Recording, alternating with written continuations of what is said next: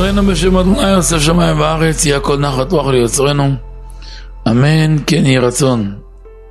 ברשות החי וידידיי הציבור הקדוש שנמצאים איתנו כאן, שזוכים להיכנס איתנו בשידור שלם השם, שכרם ובעולם הטוב במיטב, פסקו לאריכות ימים ושנים רבות, נעימות וטובות.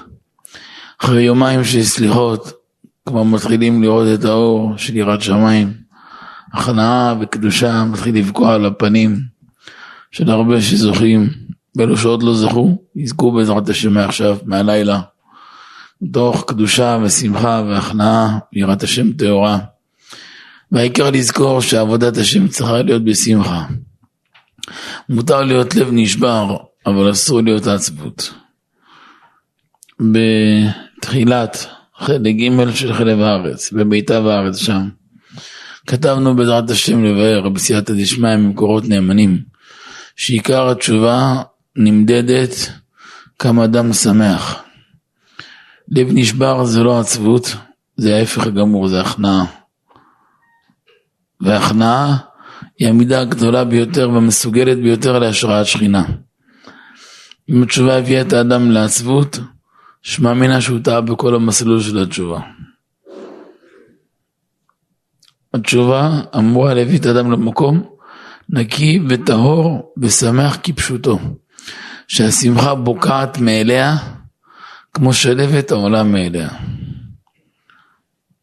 ויש כאלו טועים לחשוב שככל שבעל תשובה יהיו פניו חורשות קמטים והאף שלו ידבק לרצפה ותמיד יהיו פניו נפולות, סימן שהתשובה שלו מקובלת יותר, ולא היא, אדרבה ההפך הגמור.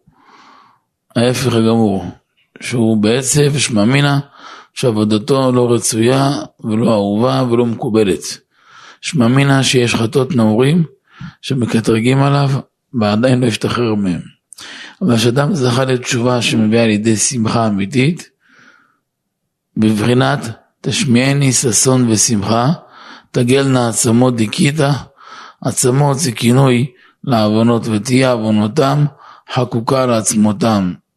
בקבלה מבואר שכאשר חוטאים וכופלים החטא כמה וכמה פעמים עוד פעם ועוד פעם ועוד פעם, אז זה מביא למקום שאכילה שהחטא נרשם בהתחלה ואחר כך גם נחקק על העצם.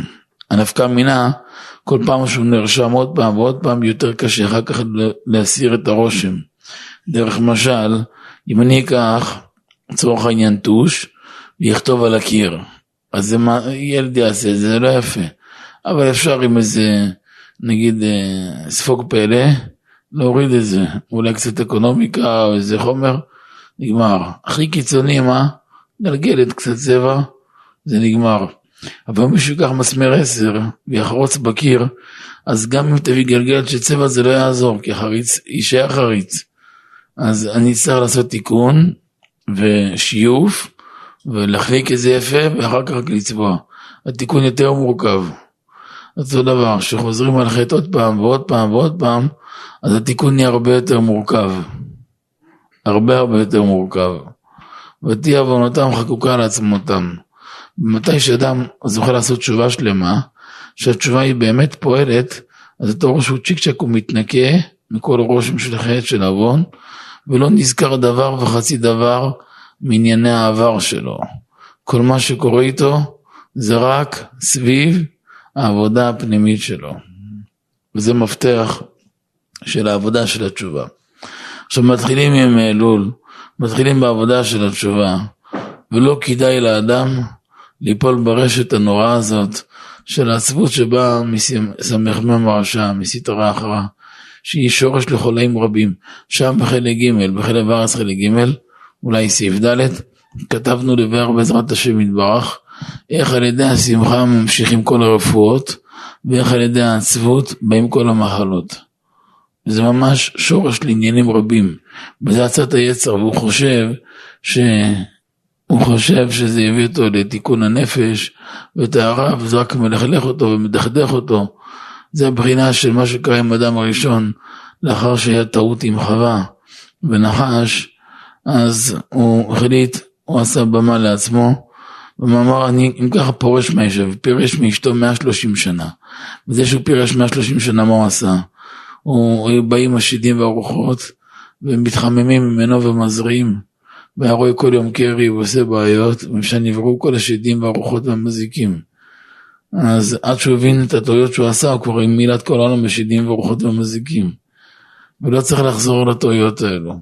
לכן אדם לא צריך להיות רב של עצמו, וכדאי שילמד וייצמד לדרך של תורה. גם אם אדם נפל איפה שנפל, הוא חייב להיכנס למסלול נכון, לעבודה נכונה, מדויקת, ממוקדת, והסימן שתמיד יהיה לו אבן בוחן, אם הוא שמח או לא שמח. וחייב להגיע למצב של תשובה שתביא לידי שמחה. אין הכוונה שאדם לא יתעצב כלל על עוונותיו, כי כן חייב לייחד איזשהו זמן לעצב קטן, ולזה אמור הזמן שעושים תיקון חצות, ומתאבלים מסתרים על חורבן בית המקדש, ועל הריגת הצדיקים, ועל שרפת התורה, ומסורזי הפסדות על החיצוניים, ועל קושי הגלות, תראו כמה סובלים, כמה מחלות, כמה ייסורים יש לעם ישראל, כמה עניות עוברים אנשים, כמה משברים, כמה זוגות מסכנים מפורקים, כמה נפשות מתהלכות ככה שוממות בעולם. כמה, כמה נהרגו, כמה נטבחו בכל מיני פיגועים, כל מיני רצח. זה דבר מאוד מצער לחשוב. מה, כל כך אלפים רבים הלכו מבני עמנו ככה, רק מה שהיה בשואה איומה, ככה שיש מיליון יהודים, ובכל ארצות אה, אה, עדות המזרח וארצות אצל הספרדים, כל מה שהתעללו בהם הערבים, ישמעאלים וכל מיני זה. זה דבר קשה מאוד, במשך אלפיים שנה כמה דם נשפך מאבותינו. ועל כל זה אנחנו עושים תיקון חצות. אז בדקות שאנחנו מצטערים על הצער של כל כלל ישראל, אפשר להוסיף, ונכון להוסיף את החמש או עשר דקות, צער גם על העוונות שלו. אוי לי שבעוונותיי נחרב בית המקדש, כל דור שלא נבנה בית המקדש בימיו כאילו חרב בימיו וכולי. אבל משך היממה חייב לסלק כל הרשת של העצבות, להיות שש ושמח ומאיר פנים ופנים שמחות ומחויכות, ולא חיוך חיצוני, אלא חיוך שנובע מבפנים. כבר היה רגיל אבא הקדוש רבי יורם מיכאל, ברוכים הבאים. זכותי הגנה לנו לומר, למה נקראו פנים פנים? כי משקפות את כל מה שבפנים. הנפש של האדם משתקפת בכמה אפשרויות, בכמה אופנים, הן בכתב, והן בתגובות שלו, והן בהבעות, והן גם בפנים שלו. ועוד הרבה דברים, אבל כל מה שקורה במערכת הפנימית, בדרך כלל ניתן לזהות את זה בשבריר השנייה באדם. והכל ניכר, לכן חשוב שהעבודה של האדם באלול תהיה עבודה נכונה. בד בבד מתוך שמירה על איזון בין המערכות, בין גוף ונשמה. הגוף צריך קצת חלק, לא הרבה, אבל קצת שינה, מעט אכילה ומעט קיום חייו, זה רצון השם. נפש בריאה בגוף בריא. אה, אמר כבר אדוננו ראש שבעת הימים רבי ישראל בעל שם טוב, חור קטן בגוף, חור גדול בנשמה, חייב לדאוג שאדם יהיה בריא ושלם וחזק. אבל מאידך, כן נכון לתת את העדיפות וזכות קדימה בתקופה הזאת לנפש קצת להיטהר, להתנקות, להתקדש. ובפרט שבזמן הזה עכשיו סוגרים שנה. אדם יעשה חשבון נפש לעצמו, איך עברה עליו השנה, איך היה הפרנסה שלו, איך היה הבריאות שלו, איך היה הבית שלו, איך היה ההנהגה הרוחנית שלו, הקדושה שלו, הרצף שלו בעלייה, כל מיני סיטואציות שהוא חווה. איפה הוא היה, איפה הוא עמד, מה טיבו, מה מתכונתו. ברגע שאדם עושה חשבון נפש ומבין לאיפה הוא הגיע ומאיפה הוא יצא ולמה וכמה, הוא אומר, תשמע, כל זה נכתב בראש שנה שעבר. הפעם אני אעשה חושבין ואני אעשה קצת הכנה יותר טובה. ואני אגיע לראש השנה נקי וטהור עם פנים שמחות ומאירות, בד בבד מתוך הכנעה. אז עוד פעם, בואו נסכם, מה זה הכנעה? לב נשבר. מה זה לב נשבר? הכנעה. זה, לב נשבר זה לא עצבות. לעולם עצבות, תעשו עצבות, סלש, סדרה אחרא. זולת חמש עשר דקות שאדם מתעצב על עוונותיו. לא צריך להיות כל היום מתאונן על העבר. התפקיד שלנו להסתכל על העתיד, על ההווה והעתיד. היה מה היה, פטמט. עבר, אין נפקא מינה. הכוח של יהודי זה במכאן ולהבא. וזה העבודה של חודש אלול. זה נקרא ימי הרחמים והסליחות. זאת ועוד, בקבלה מבואר שיש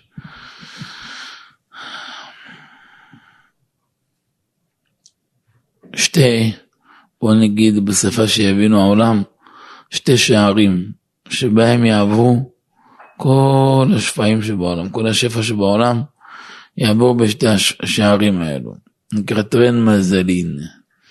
זה, שם כל המפתחות נתונות. חיים ובריאות ושמחה ועשירות וחוכמה, בינה, דעת, קדושה, השגה, כל מה שרק יש בעולם, הכל הכל יעבור בתוך השערים האלו. הכל יעבור בהם. ועליהם אנחנו מתאמצים מאוד בסליחות בי"ג מידות של רחמים. אמר רבי יוחנן, ברית כרותה, גמרא ראש שנה אולי ד', ברית כרותה לי"ג מידות של רחמים שאינם חוזרות דרכם. אמר רבי דם הרב. אמר רבי יוחנן מלמד שהתעטף הקדוש ברוך כשליח ציבור.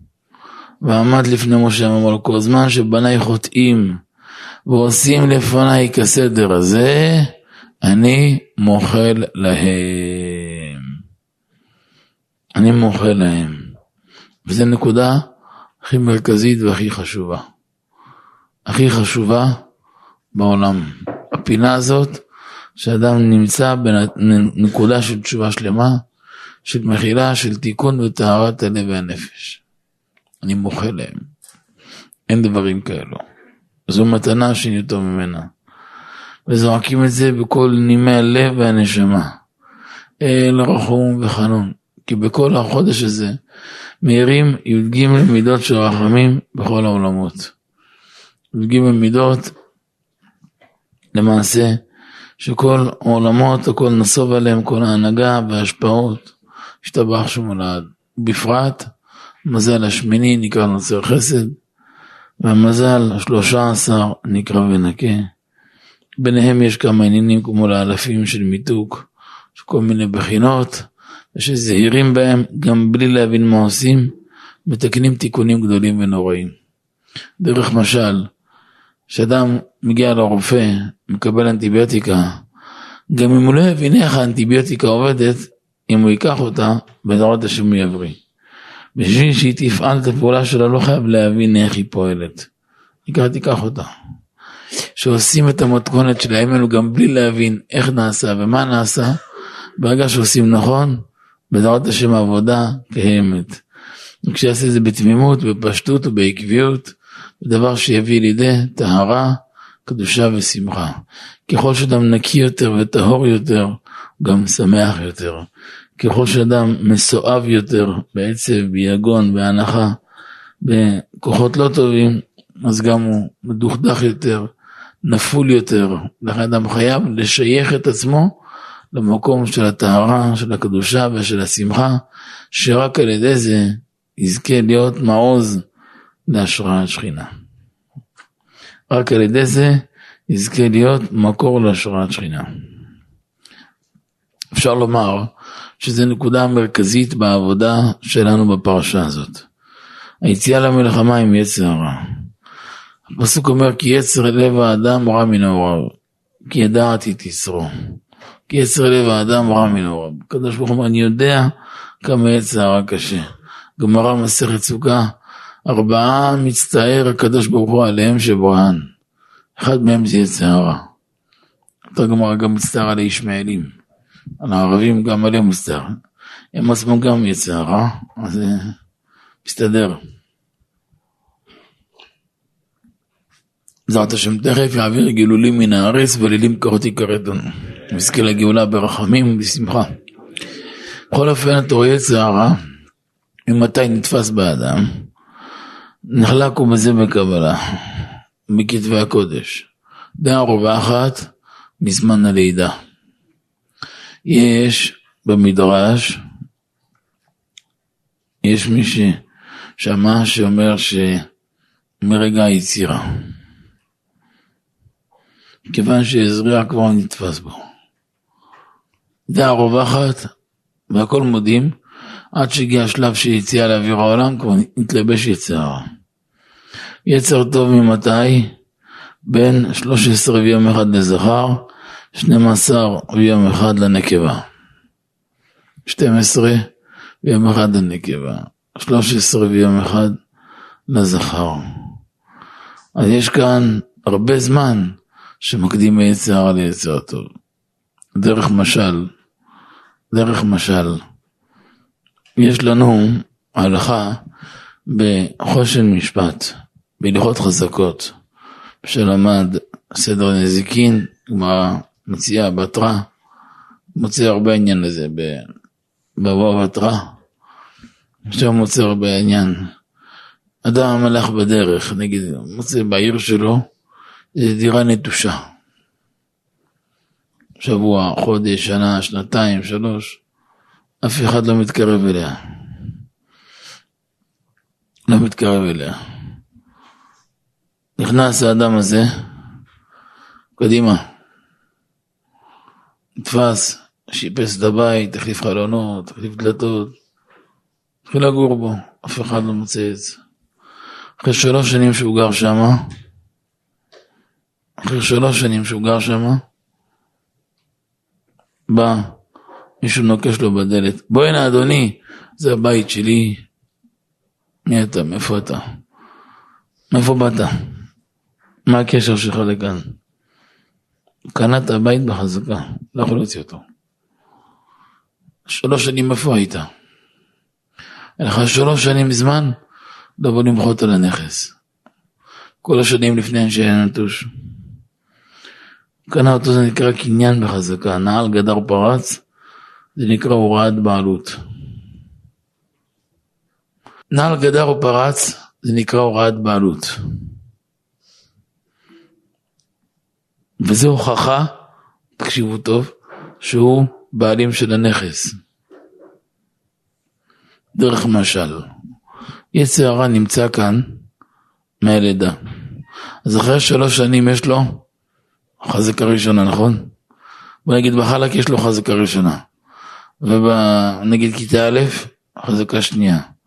כיתה ג' חזקה שלישית, גיל תשע, נכון? גיל 12 חזקה רביעית, באמצע חזקה החמישית, נכנס יצר טוב, ברוך הבא וולקאם, מי אתה בכלל? מה? מאיפה אתה נכנס בכלל? מה הקשר שאתה מגיע בכלל? באיזה כוח מגיע יצר הטוב אחרי 13 שנים שהוא כבר תקוע ושקוע ורגיל ומנהיג את הספינה הזאת? היא שאלה קשה. אבל אומר רבא הקדוש רבי יורם מיכאל, פה נכנס העבודה הנוראה והאדירה של ההורים. שההורים משרישים קדושה בבית, משרישים יראת שמיים, ולב טהור בבית, ולב יקר, ויראת שמיים טהורה בלב הילדים. אגב, היראה שנקנית לעד, זה רק מה שקונים בימי הילדות אצל ההורים. זה נקרא בלשון התנ"ך המין ושמן שסח תנימי בילדותי, עיניהנה שעמדו לי בזקנותי. קניינים, מידות טובות והרגלים שנהגתי בהם, שהונהגתי בהם בבית אבא, זה למעשה הרגלים שילכו עם האדם לעולם. אם אדם זוכה לקנות בבית אביו יראת שמיים, במקום לקנות שטויות, קדושה ויראת שמיים, ההנהגות האלו ילכו איתו לעד ולעולמי עולמים. זה מלווה את האדם מאשר מי שמחזיק בהם. בכל אופן, הקניינים ומידות טובות שאדם קונה בבית אבא, זו נקודה של חינוך ילדים, במצוות חינוך הילדים, שהיא כל כך חשובה ונשגבה, מה היא עושה, מה היא עושה לנו? היא מביאה את האדם למקום מאוד מאוד נפלא, שברגע שמגיע הזמן שיצר הטוב, יצר הטוב נהיה כזה חזק, והוא קובע עובדה באופן שלא משתמע לשתי פנים. דרך משל כמו בריכה של מקווה קטנה. מישהו תקוע שם איזה שעתיים, עושה כוונות שיש ושאין. רואים לא מזיז, הוא לא הולך לעלות אותו, מה עושים? בא מישהו חרוץ, גיבור, קופץ שם, קובע עובדה, אני כאן. או תבחר לעלות או תתמודד. זו המציאות. היצר אותו בא בכזה עוצמה, ואז הוא בום, קובע מציאות, קובע עובדה. וזה למעשה עניין של יום הבר מצווה, של כניסת בחינת הרוח שבנשמה לליבו של הנער, ומשם מתחיל כוח הבחירה לפעול ולעבוד. כלומר, כניסת נפש האלוקית בלבנה, אומר אדמו"ר הזקן, בהיותו בן י"ג שנה ויום אחד, שהוא מושלמת אצלו באותו יום הבחירה, וכן אצל הבת, בת 12 ויום אחד. שנשלם אצלם עניין הבחיר, עניין נפש ההתלבשות של הנפש האלוקית, ואז נשלם גם מבחינת החב"ד שבנפש, משם מתחילים להתקדם.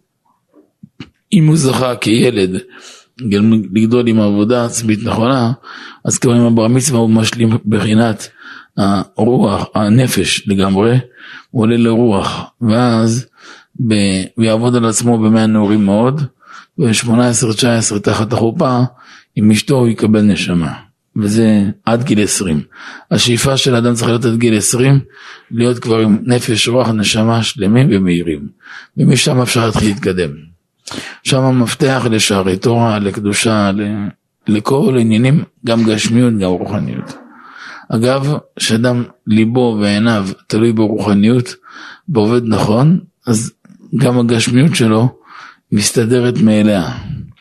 כאשר אדם מאבד את הרוחניות שלו, וזה הופך להיות במקום קבע ארעי, וארעי דארעי, אז הגשמיות נהיית מרכז החיים. ואז קשה מאוד לרדוף אחריה, וזה שורש הקושי של רוב העולם בפרנסה ובכל מיני התמודדויות יומיומיות. ולכן אם אדם באמת רוצה, יכול להרוויח את ימי אלול, שמאירים בהם י"ג מידות של רחמים, להתאמץ מאוד בזכות הימים האלו הקדושים, להפוך את התורה שלו והתפילה שלו לקבע, ומלאכתו שזה כינוי לכל ענייני הגשם והחומר, ארעי, ואז גם יש ברכה גדולה במעשה ידיו. יכול להספיק בשעה, שעתיים, מה שלא עושים ב-18 שעות. זה לא משנה איפה ישלח ידו, העיקר שמה שהוא יעשה יהיה כהלכה ויהיה נכון, והעבודה שהיא תהיה נכונה, היא תניב אה, אה, תועלת מאוד מאוד גדולה ורחבה מאוד. עכשיו תראו, אה, העבודה הזאת של המלחמה התמידית של יצר הטוב ויצר הרע היא עבודה קשה. אנחנו לפני כמה שבועות שישבנו על המסילות של השבוע, אז בנינו את כל המסילות על זה, על שתי הנפשות, זה בנוי על כתיבה קצת ישנה שלי, מסילות של השבוע, שתי מאמרים שכתבנו לפני הרבה שנים, סביב העניין הזה. זה דבר מאוד מאוד עמוק בפנימיות, זה בנוי על שתי מערכות שהן ארבע. מערכת מרכזית, נפש אלוקית, לצד נפש בהמית, ועליה יתלבש נפש, ועליה יתלבש אה, בחלק חיצון, עוד רגע נסביר את זה, יצר טוב ויצר רע. נפש אלוקית זה לא יצר טוב, ונפש בהמית זה לא יצר רע. כמו שמסבירים הרבה בעלי המוסר. לא, זה ממש שתי מערכות שהן ארבע. באדם יש שתי מערכות שהן ארבע, יש מערכת שנקראת יצר טוב ויצר רע, ויש מערכת הרבה יותר גבוהה שנקראת נפש אלוקית ונפש בהמית. לא כמו הדעה של בעלי הפשט שיצר טוב זה נפש אלוקית ויצר רע זה נפש בהמית, ממש לא. אלה הם שתי מערכות והביור בהם הוא מאוד מאוד יפה.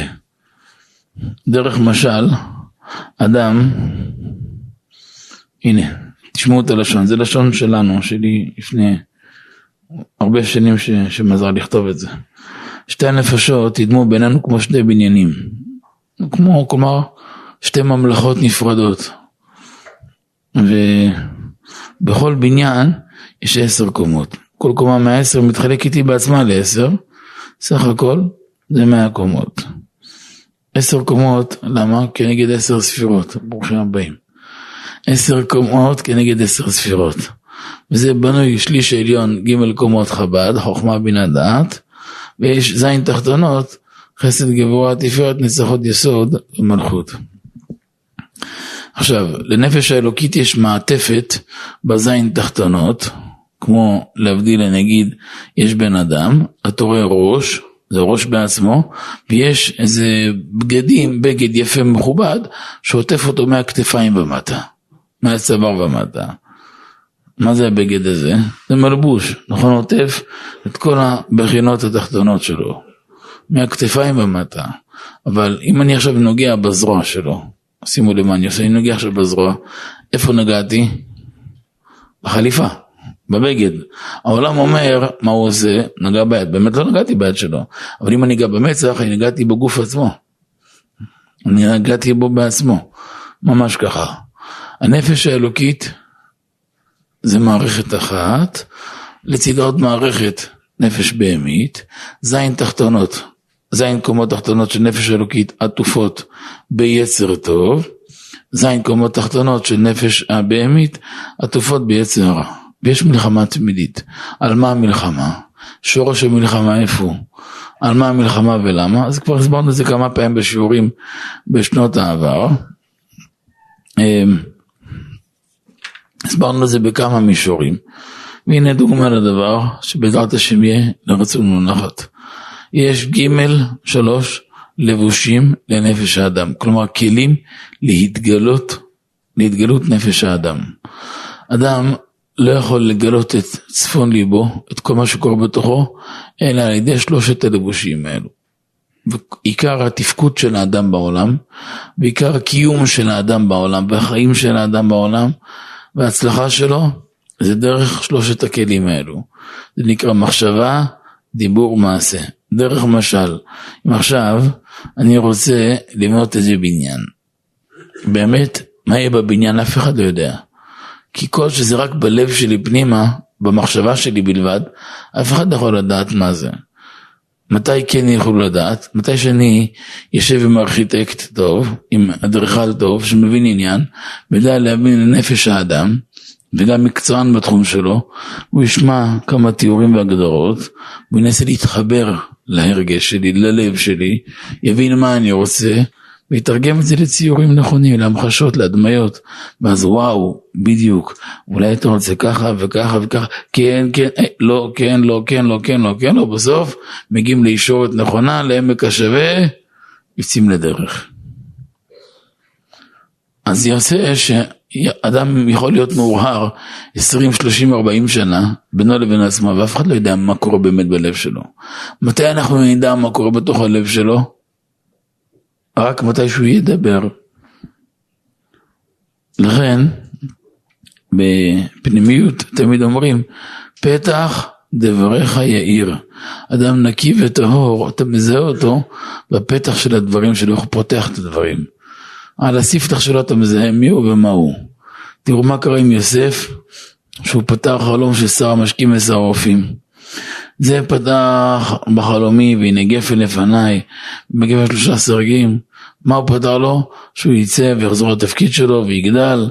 בריאות, הוא פתר לו פתרון מאוד טוב. וכל מה שפתר תוך שלושה ימים קרה. השני ישר פתח אף אני בחלומי, אף. אף, שצף, קצף, כעס. הוא פתח ישר בשמאל, עקר אותו. למה? צדיק או רשע ניכר מיד בפתח הדברים שלו. מי שהלב שלו כולו נתון בקדושה, אז המחשבות שלו גם תמיד בטהרה. אז גם כשיבוא לדבר, הדיבור שלו יהיה מאיר עיניים. יש אלפי אנשים שממש קונים חיים, ממש חיים, מדיבור של חכם. מה עשה החכם? למה הוא מחיה אותם? השם מחיה את האנשים על ידי התורה שיוצא מהפה של החכם, למה? כי החכם נהיה צינור להמשיך עליהם תורה עתיקה מכיסא הכבוד ממש, משורש הנשמה שלהם. הם מרגישים כמו סם חיים ממש בכל שיעור של, של הרב, למה? כי ממש הם קונים דרך חיים, שיטה של חיים, הם ממשיכים חיים לנפשם, לגופם ולבשרם, קל וחומר דברים אחרים. אז חזרה לעניין.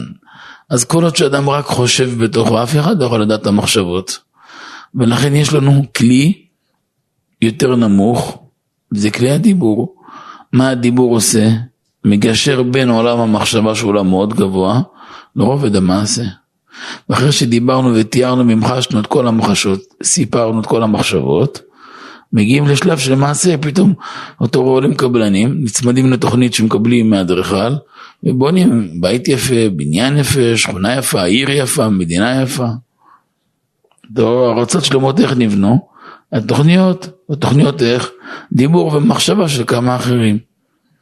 יוצא לנו אם כן איפה שהמחשבה היא מקור מאוד מאוד גבוה ומי מגשר בין המחשבה הגבוהה והעליונה לעולם המעשה? זה כוח הדיבור. לכן גם בבית, כדי לקיים את הבית היהודי, חייב להיות שלב שנקרא שיחה בין בני זוג. שאין שיחה בבית, אפשר להגיד בית חרב. זה מסוכן מאוד. הדבר הכי קשה בבית, אם אין שיחה בין בני זוג. יכול להיות הכל, אבל, אבל חייב להיות שיחה. אם תהיה שיחה נכונה, השיחה נכונה תעורר את האהבה ואת הקשר ואת השמחה והיא תגשר על כל הפערים. לכן המפתח של כל המפתחות יהיו תלויים בו, של שלום בית, של הכלה ושל הבנה, תלוי בכוח הדיבור. ולכן מי שיודע לדבר, ולדבר נכון וטוב, זוכה לבחינת מלכות.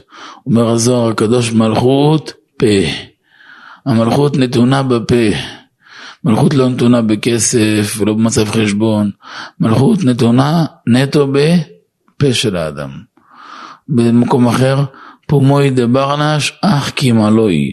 הפה של האדם מעיד עליו אם הוא צדיק או רשע, חכם או טיפש, לאיפה הוא ולאן פניו מועדות. הכל תלוי בפה שלו, הכל תלוי בדיבור שלו, הכל תלוי בקדושה שלו. יוצא לנו שהדיבור מגשר בין כל הפערים, אבל רק בתנאי שיהיה דיבור נכון. ולכן צריך שהדיבור יושפע ממחשבה נקייה וטהורה. כשהמחשבות הן נקיות וטהורות, אז גם הדיבור יהיה נקי וטהור. אבל כשהמחשבות רצופות ומלאות בזימה ותועבה, אז אי אפשר שדיבור נקי וטהור. אדם לא מרגיש איך הוא מכשיל את עצמו במקומות קשים מאוד. וכאן נקודה מרכזית של העבודה בשורש, אולי אפשר מהחבל, מגשר בין כל הפערים. כשדיבור הוא נכון וטוב, דרך הדיבור אפשר לברוא מציאות חדשה ואפשר ליצור מציאות ולבנות את הבית היפה ביותר. ולכן האלף בית של בית, של זוג, זה שיחה נכונה. כשהשיחה תהיה ביום או בלילה, בחור, איזה זמן שלא יהיה, תהיה שיחה נכונה, זה מפתח של כל הבית, שהכל יעמוד עליו. אותו דבר גם תקשורת, תקשורת בין אנושית, בין בני אדם, בין העולם, הכל תלוי בכוח הדיבור. כשהדיבור הוא נכון ומיושב ומתון, חוסכים אלפי אלפי צרות. וזה מפתח שהכל יעמוד עליו. אז מה יצא לנו? שכוח הדיבור לברוא ממש מציאות. איפה זה בא לידי ביטוי כל זה? שיש לנו את שתי הנפשות. הנפש האלוקית היא מושכת לכיוון קדושה ושמחה וטהרה ועבודת השם. כמו שהעתיק את בתניא הקדוש, פרק ראשון, העתיק לשון רבנו ארי בעץ חיים. שתי, שתי נפ, נשמות יש באדם, ונשמות אני עשיתי, שהן שתי נפשות, אחת מצד הקדושה והיא נפש האלוקית, והשנייה מצד הקליפה והסדרה אחריו והיא נפש הבהמית. כבר הזכרנו שנים קדמוניות, שנפש הבהמית יש לה הרבה מאוד יש לה ארבע שמות ותוארים בספרים, אה, יסודית, בהמית, חיונית, טבעית. וארבעתם זה כינוי לאותה אחת, נפש הבהמית. יש לחלק בין, חלק חלק ד', כתבנו לחלק בעזרת השם בין נפש בהמית של יהודי לגוי, וכמה מישורים בין, בין, בין הנפש עצמה. אין אצל גוי בהמית, לגוי יש אחת, וגם שם יש כמה הבדלים. הבדלים מהותיים מאוד. לכן עצם זה שיהודי בא מזרע ישראל, יש בו כבר, כבר עשרות רבות של מעלות. בעצם זה שבא מזרע ישראל, זה לבד כבר מקנה לו הרבה הרבה הרבה מעלות ומעלות גדולות מאוד. לכן בית שרוצים שהשלום תמיד ישרה בו, אישה שרוצה להיות תמיד חביבה על בעלה, צריכה להיזהר בכוח הדיבור שלה. הדיבור הוא או בונה עולמות או מחריב עולמות. וכן הלאה, גם כוח ההכלה, עוזר לקשבת, החשיבה החיובית ולא השלילית, הסדרי עדיפויות. סדרי עדיפויות זה א' ב', בינו לבינה לעולם, כל אחד יהיה מספר אחד. בשבילו אשתו תמיד תהיה לפני כל העולם. בשביל אישה בעלה היא לפני כל העולם. אבל יהיה שיעור של ראשון לציון, של איזה רב גדול, הכל בסדר. יש ימים שיש סדרי עדיפויות אחרים. למה? כי הבית לעולם יעמוד בראש הפירמידה. וגם הבית, שיהיה בראש הפירמידה, אם, אם הדיבור לא מתוקן ביניהם, הם לא יצליחו בכלום. ואם הדיבור מתוקן ביניהם, אפשר לגשר על כל הפערים. ברגע שיש שיחה טובה, משם מתחילים לפתור את כל הבעיות. אתם מבינים מכאן שאדם מאושר או ההפך הגמור, זה נקרא לזה מאושר או מתוסכל, בוא נקרא לזה ככה, בלשון המעטה, תלוי בכוח הדיבור. שלושת הכוחות האלו, כוח המחשבה, כוח הדיבור וכוח המעשה.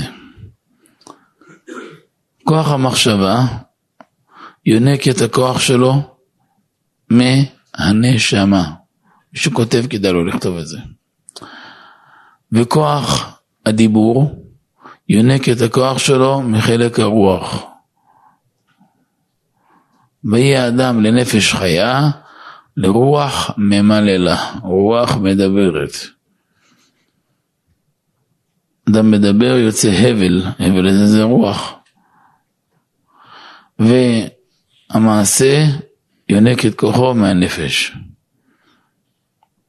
אז נכון שאנחנו נמצאים בעולם הזה שנקרא עולם העשייה, שבו הכל לפי רוב המעשה, בשאלת השאלות מהרוח ומהנשמה שמנהיגים את הספינה הזאת. תחילה זה יתחיל באדם, בינינו לבין עצמנו, בוא נגיד בינינו לבין הבורא יתברך, ומיד בסמוך ונראה זה יהיה בינו לבין אשתו.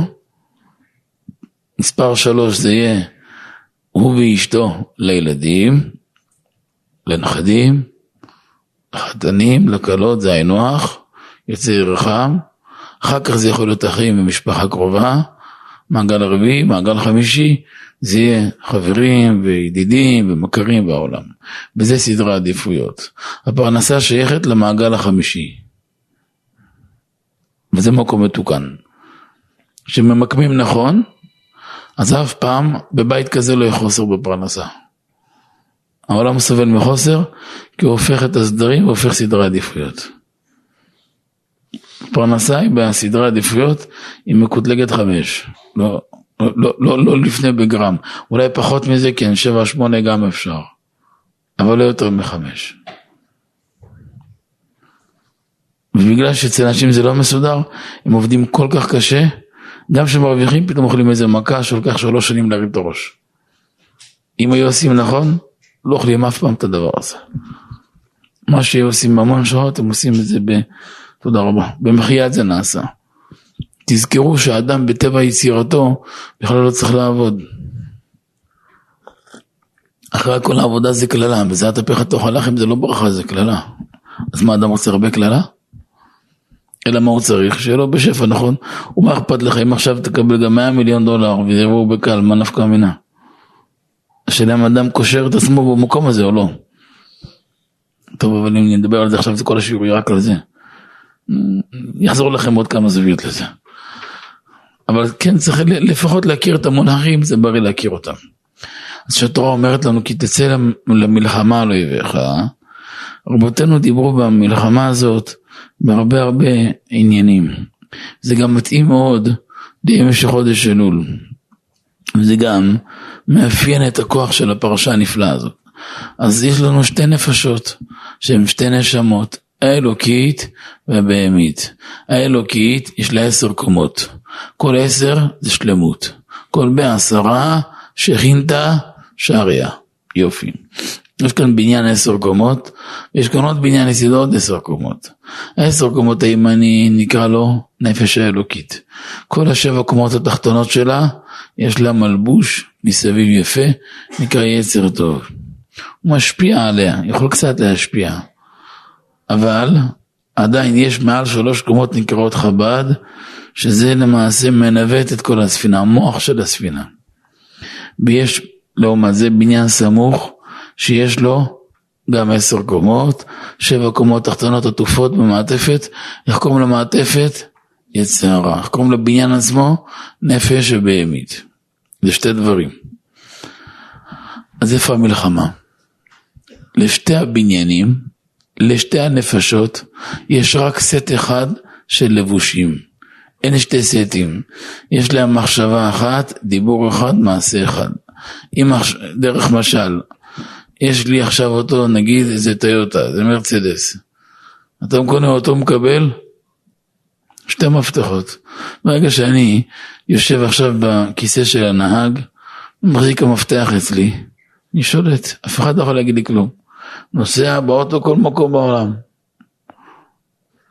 ברגע שירדתי מהאוטו, אפילו רק לרגע, הסחתי דעת. לרגע מהאוטו נכנסתי הביתה, רק להתארגן, רק לאכול, רק למשהו. המפתח השני נתפס אצל מוסטפא, הוא על הלגה, לך תדע אם מחר בכלל יחזיר לך, או שתקבל טלפון מאיזה משחטה אם אתה רוצה כופר להעביר, לקבל... אה, מהניסיון אחרי שעתיים, האוטו כבר מפורק. לא משנה צבע, משנה גוון, מה שמם. אינם הולכים 400 בלי נטילה. כל, כל הזמן עסוקים ב... כשאתה הולך לבית שלהם ואתה רואה כל שתי מטר צבע אחר, תלוי באיזה פרויקט הוא עבד. איפה הוא עובד תמיד. ככה זה, זה חלק מהמהות שלהם.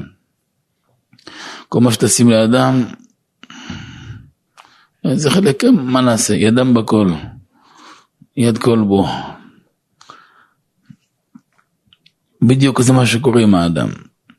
אז יש רק סט אחד של לבושים, מחשבה, דיבור, מעשה.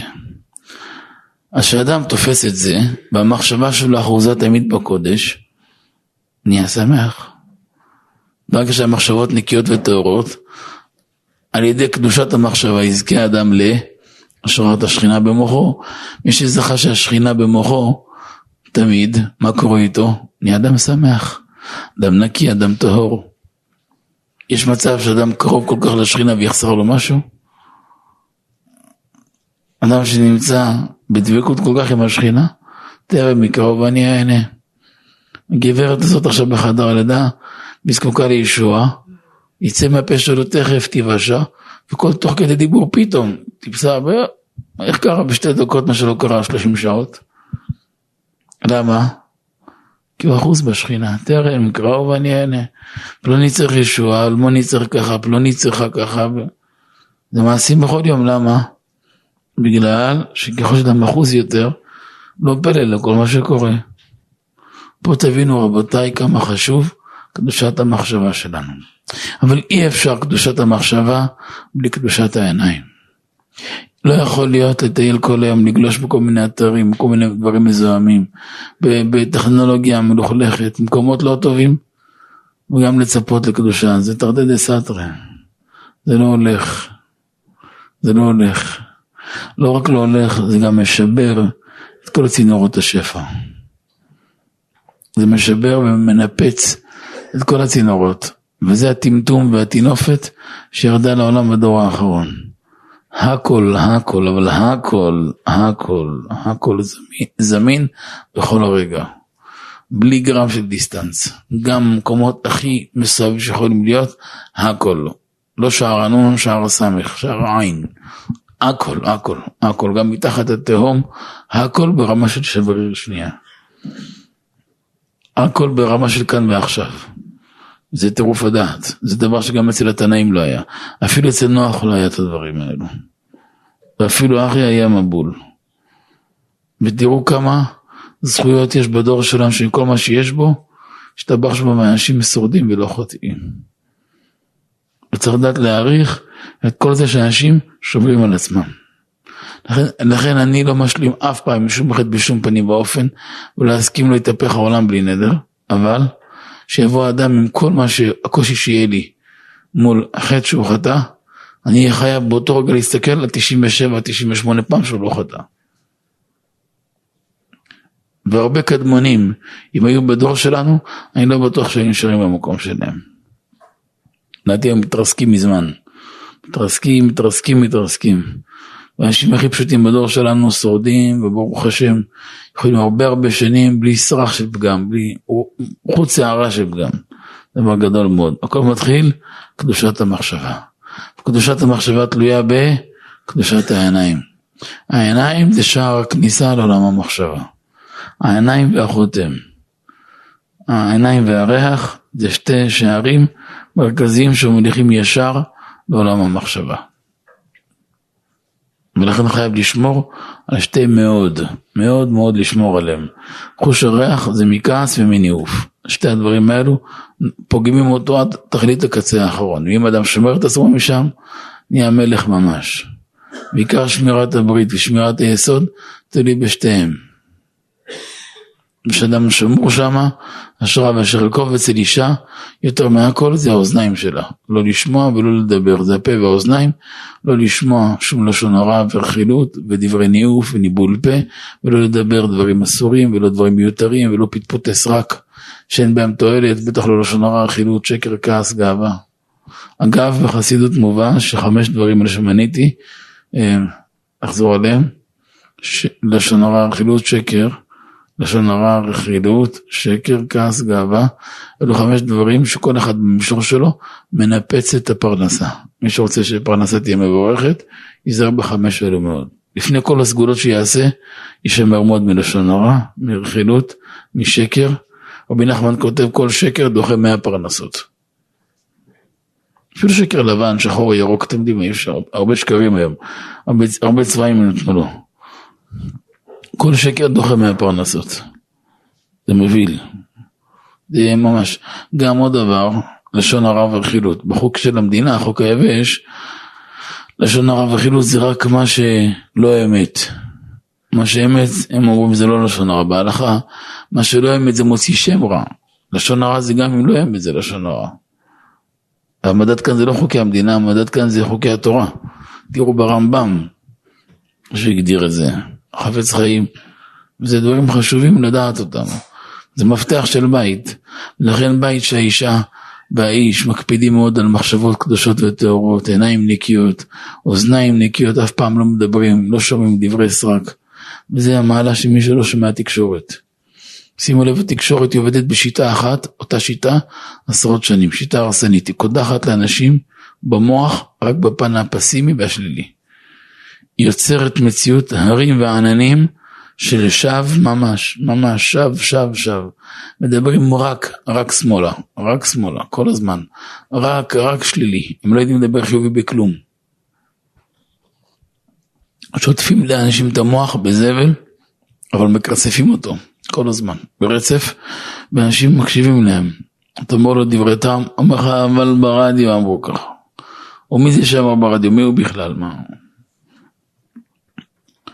אתם מבינים שפה נתון כל המפתח של החיים והעולם. לכן כשאדם יודע לשמור על מחשבה, אז המחשבה תמיד נקייה וטהורה. איפה, איפה המקום שלה? הנפש האלוקית מנהיגה אותה, משתמשת בה, היא בשליטה של האלוקית. כבר כשהוא מדבר, שוקל את הדיבור שלו במאזני זהב, כמו שאמרו בגמרא, מילה בסלע, שתוקה בטרן, מה פשט? אם על כל מילה שנדבר, נקבל 100 דולר. עלה, משתלם, מה? עסק משתלם. כל מילה 100 דולר, אז כל מילה שתשתוק ולא תדבר תקבל 200 דולר. עוד יותר משתלם. ככה הערך למעלה. תראו כמה זה חשוב. לכן אחד הדברים הקשים ביותר זה לעצור את הדיבור. ואישה, בפרט אצלה שיש יותר נטייה של חושה בנקודה של דיבור, שהיא מקדשת את הדיבור שלה ומטהרת אותו ואת האוזניים שלה, השכר שלה כמה דברים. והדבר הראשון, היא זוכה למציאות חן שאין דומה לה, בפרט בעיני בעלה. היא תהיה הכתר, הראש והעטרה של מעלה כל החיים. ברמה שהוא לא יוכל להניד עפעף בלעדיה. כל תנועה ותנודה שלה, שלו, יהיה רק יחד איתה. על דרך שאמרו בגמרא, אסתר היא רק רוקט הייתה. ברוכים הבאים. אסתר רוקט הייתה. ברוכים הבאים. אומרת הגמרא, מה זה רק רוקט? יש אומרים במפרשים, תחילה על הכבוד, סליחה, סליחה, מכבודם של בנות ישראל צדקניות ובית המדרש, בית הכנסת, הקהל הקדוש ועם ישראל הקדושים, מחילה הייתה מכוערת. היא לא נולדה מחילה יפה, בטבע שלה. האמת היא גם הייתה זקנה, הייתה בת 75 באותה עת. אחרי הכל אישה בת 75, זה לא נערה בת 18. נורא שסיימה י"ב עכשיו, זה משהו אחד, זה לא... שמרה על הקדושה שלה, בכבוד שלה, זה משהו אחד. בת 75 כבר סבתא, אחרי הכל, כבר יש לה ברוך השם נינים. והעבירו לפני אחשוורוש, רבותיי, כמעט את כל הבתולות של כדור הארץ. זה לא נתפס בכלל. כאילו מדינות שלמות שהוא תרגם רק לענייני נשים. זה לא נתפס בכלל מה שהוא עשה שם. היה מופרע ברמות שלא נתפסות בכלל. וכל בחורה בתול הייתה זכאית שישה חודשים לתמרוקים וטיפוח ברמות הזויות. שישה חודשים מפה ועוד שישה חודשים, שנה שלמה, 12 חודשים של טיפוח ברמות שלא, לא, אי אפשר לעמוד בהם בכלל. רק מלך יכול לעמוד. תראו כמה מיליארדים, טריליונים, בלי סוף הוא שפך על השטויות האלו, כדי שאולי אחת מכל המיליארדים האלו תעבור לפניו ותמצא לכם בעיניו, ובסוף מי עברה? אחת שלא התקרבה לשם ולא נגע ולא פגע. סבתא בת 75, אסתר. תארו לעצמכם. אבל היה לה מציאות חן. המציאות חן הזאת שברה את כל הכלים. ויאהב את אסתר מכל האנשים, מכל הבתולות, מהכל. היה כמו משוגע אחריה. היא ניהלה אותו ככה בשלט.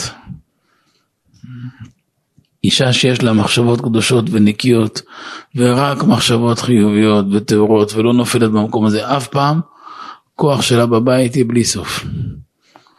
בקבלה וחסידות מבואר שהמחשבה צריכה להיות חי ורע ככספה, כמו כסף טהור נוצץ. תמיד תמיד נוצץ. שי"ת כו' מאיר ובוקע, כתב השורית כל הזמן ממנו, כל הזמן, כל הזמן. והדבר הזה בעל דבר לא מוכן בשום אופן, והוא נלחם באדם בכל הכוח. לכן תראו, אתן לכם סימן, איך שאדם נכנס לעבודה הזאת, הוא מיד יפיל אותו או ברשת של חטות נאורים, שמיד בכלל והוא ישפיל אותו מיד שהוא כבר עשה ככה וככה אז הוא לא שווה כלום, או שיפיל אותו בהרגשה, נזהר בלשוני בהרגשה של עוני ודוחק, שדוחק לו פרנסה וטרדת הפרנסה, ויביא אותו ממש לבכות כמו תינוק. וירגיש שהוא הכי דחוק, וכאילו עוד רגע מעקלים לו את כל החשבונות, ועוד רגע זורקים אותו לישון ברחוב, וסתם תעתוע של דמיון מופרע אחד גדול. כל זה מתעתועי ודרכי היצר, לשגע בני אדם כדי לנתק אותם מהמקום הטבעי שלהם. המקום הטבעי של יהודי זה השראת שכינה. תזכרו, אדם הראשון לפני החטא היה מעיסב בגן עדן, תראו גמרא סנהדרין נ"ט, אבות דרבי נתן, פרק ב'. מעיסה בגן עדן, מלאכי השרת צולין לו בשר, צעננין לו יין. היה כל העולמות משרתים אותו. היה גובהו וגודלו מסוף העולם ועד סופו. טעו בו מלאכי השרת, חשבו שהוא אלוקים. מהיופי, מהמראה, מהגובה, מהעוצמה. אמר להם בואו נשתחווה ונכרע ביחד. כלומר גם אני נבראתי כמוכם היום. אבל כיוון שחטא, נטמעתה קומתו. בואו נזכור את המשפט הבא. כנגד, מי שכותב תכתבו את זה. כנגד הקומה הגשמית שלנו, יש גם קומה רוחנית. איך קוראים לקומה הרוחנית שלנו? זה הצלם של האדם. כשאדם נקי וטהור ומטהר את ליבו ומתקן את הצלם שלו, כל המערכת של החיים שלו תשתנה. מה שאנשים לא ישיגו ב-70 שנה, אם הוא ירצה ישיג את זה בעשר דקות. גם לא, לא צריך לזה. זה מה שאמרתי לכם מקודם. לדעת מה העיקר, מה טפל. לעשות העיקר עיקר וטפל טפל. מי שמבין את זה לעולם ועד, הוא לא יקצר בתפילת שחרית בשביל שום דבר בעולם. כי המפתח של כל היום נתון בתפילת שחרית. בעבודה שלפני, בשעה שלפני, בהשכמה, באשמורת, זה לא מעניין בכלל. כל העולם יחכה, לא קרה כלום. היו משפטים שגורים על הלשון של אבא האהוב הקדוש רבי יורם מיכאל, זכותה יגן עלינו. אחד המשפטים שהיה רגיל לומר לנו, מי שהיינו ממש ילדים קטנים, הוא היה אומר, העולם קיים כמעט ששת אלפים שנה, והעבודה לא נגמרה, כנראה גם לא תיגמר. אז עוד שעה או שעתיים יותר או פחות, זה לא מה שיביא את הברכה. תגיד, אבל רגע, אבל העסק צריך לפתוח, הכל בסדר. אתה יכול לפתוח בלי להתייבש שש שעות. לפתוח עם איזה עת רצון, פתאום תבוא איזה סבתא אחת מתוקה, תגיד, יש לך זה? בטח. למי את רוצה? לנכד. רגע, ומי עוד? מה, מה רק לאחד? את האמת אתה צודק, יאללה בוא ניקח גם זה, ומה זה, והנכדה לא תקחי, וגם זה וגם זה, בסוף לקחה איזה משאית משם. לרוב ככה זה עובד. תכל'ס זה נהנה, וזה נהנה. סבתא נהנית שקנת לכל הנכדים שלה, ותשמח אותם. ומי שקונה לנכדים, קונה גם לעצמה. למה שהנכדים יהיו שמחים לשמחה שלה. לעצמה היא קונה שמחה, לנכדים היא קונה צעצוע. אבל בעל החנות שמח שהוא מתפרנס. עוד משהו זז בעסק. ומי שיושב בשמיים משחק, מכוון את העולם. אז בואו נסכם, כאשר לבוש המחשבה, לבוש הדיבור ולבוש המעשה נתון בקודש, אין שליטה ואין תפיסה לנפש הבהמית. אז הנפש הבהמית נאלצת להיות נכנעת תחת נפש האלוקית. דרך משל. יש לנו אוטו מאוד מאוד משוכלל, מאוד יפה, מאוד גדול, מאוד נוח, חדש, לא, לא מבין בזה, לא יודע להגיד, אני... אוטו, רכב, אבל שכחו לעשות לו הגה. למרות שבעולם המשוגע שלהם גם זה יכול להיות. אולי כבר קיים, אני לא יודע. אבל אצל אדם נורמלי לא יעלה באוטו כזה. זה התאבדות. גם בעולם תושבי עשר מיליון.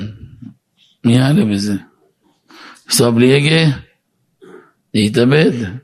זה מסוכן. חייב הגה. זה בדיוק המקום. הנפש האלוקית מנווט את, את הספינה, זה ההגה. הנפש הבהמית זה הרכב. לוקחים את הנפש הבהמית, מעלים אותה אל הקודש. הרי אי אפשר בלי אכילה. אדם חייב לאכול, אדם חייב לשתות, אדם חייב שינה. אישה זה לא מותרות, זה צורך. לאישה בעל זה לא מותרות, זה צורך. השם עשה טבע בעולם. פרנסה זה צורך, זה לא מותרות. וכל שאר ענייני הגוף זה צורך. מקלחת זה לא מותרות, זה צורך. במחילה מהכבוד, כל ענייני הגוף הם צורך. ומה שצורך הוא צורך. השאלה, איך עושים את הצורך? מתי עושים אותו? מי מנהל אותו? מתי שבא לנו? או אדם קובע גדר וסייג. לאכול מותר לאכול כל היום, אין הגבלה באוכל. אבל אדם כל היום ילעס, יצא בסוף נבל. קובע זמן גם בדרכי הבריאות ככה. קובע זמן לאכילה, וזה נכון. זמן לשינה, וזה נכון. כל דבר זמן במידה הנכונה ובאופן הנכון. וגם שיעשה יעשה לשם שמיים. למשל אכילה, אומר פלא יועץ, כדי שיהיה גופו בריא וחזק לעבודת השם. קבע לעצמו שתי ארוחות, שלוש ארוחות ביום. בזמן שהוא קבע לעצמו לאכול, גם אז, לפני שמתחיל למרני אוכל לשם שמיים, שיהיה גופי בריא וחזק לעבודתו יתברך. אז כל האכילה שלו נהיית כמו קורבן, כמו מזבח כפרה. אותו דבר גם שינה. תראו, כל מה שאמרתי לכם עכשיו, כתוב בשולחן ערוך אור החיים, סימן רל"א. כל מה שיהנה בעולם הזה, לא יכוון להנעת גופו, אלא לעבודתו יתברך, או לדבר גורם עבודתו, או לעבודת השם, או למה שגורם לעבודת השם יתברך. וזו נקודה שאסור לאדם לפספס אותה.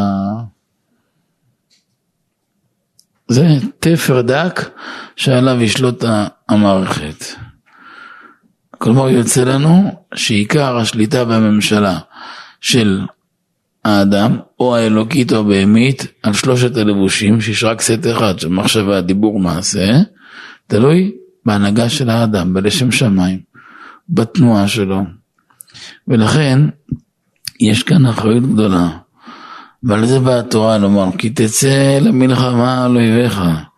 במלחמת היצר הכתוב מדבר. אז מלבד הפשט של המקרא שהתורה מדברת שם בפסוק המלחמה גשמית כנגד אויב גשמי, התורה רומזת בזה גם על המלחמה הגדולה של האדם כנגד יצר הרע.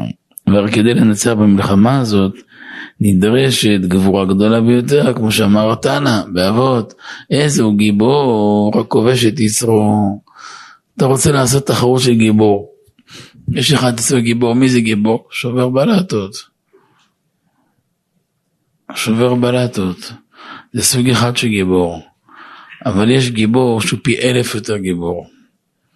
שהוא מושל ברוח שלו. תראו כמה קשה לעבור בדרך, לנסוע באוטו, ויש מסך מרצד, סתם שטות. הוא לא מוריד את העיניים. אדם יש לו טלפון, יש לו טכנולוגיה. כמה קשה לאנשים לשלוט על האצבעות ועל העיניים מול המסך. תעלה על הדעת חתיכת פלסטיק, יקלקל לך הבית, יקלקל לך את החיים, יקלקל לך את הפרנסה, את הזוגיות שלך.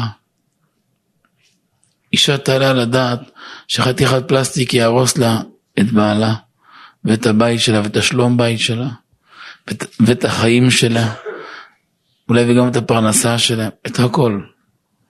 מעשים בכל יום שכן. תוספת עומק. הקדוש ברוך הוא נתן לנו וקבע באדם חמישה חושים. ארבע בראש, אחד בידיים. למעשה בכל הגוף. בראש, ראייה, שמיעה, ריח, טעם, מלמעלה למטה. זה מכוון גדול.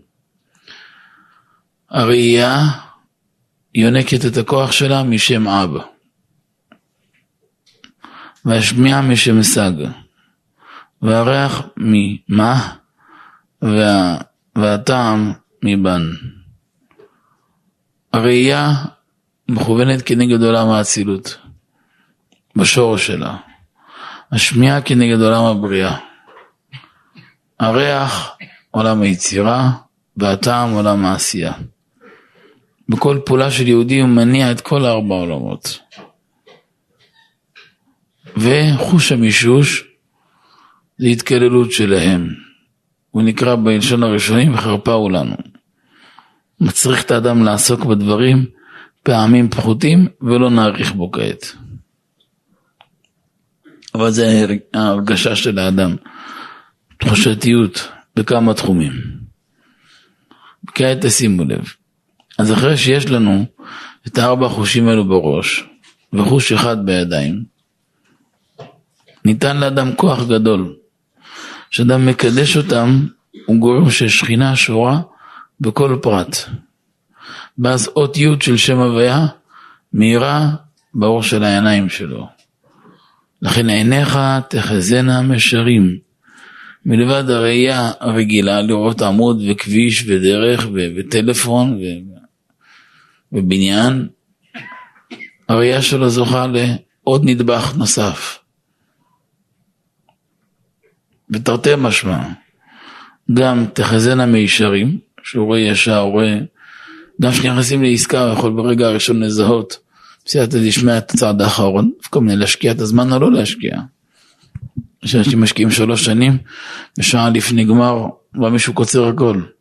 יכין זה וצדיק ילבש. למה? כי הראייה פגומה.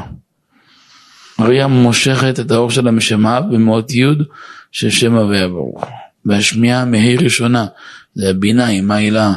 שם זה שורש התורה ושורש השמחה ושורש התשובה. מתאים לעכשיו ימי אלול. מבחינת תורה נקראת לשון נקבה, בינה עם העילה. ואחר כך הריח, זה אות ו', זה חותם. זה מידת דחורה, זה כוח ההנהגה של האיש, הוראת בעלות, הנהגה של האדם בבית, כל נקודה של הביטחון העצמי של האדם, מידת הדחורה שבו, כוח המשפיע שבו, כוח הנותן שבו, כוח המעצים שבו, כוח המאציל שבו. מפרגן סמכויות, כוח של הנהגה, הכל נתון כאן, בדיוק בנקודה הזאת. ואחר כך יבוא חלק האחרון, מידת המלכות, שהיא השכינה הקדושה, שזה השראת שכינה, שזה הפה של האדם. וכל הארבע האלו, עיקר הכוח שלהם מתגלה שהאדם גיבור. מה זה גיבור? שיודע לשלוט בהם, לא להפיל אותם, אף פעם לרשת סטרה אחרה. כי נגיד ראייה של קדושה, יש ראייה לא של קדושה.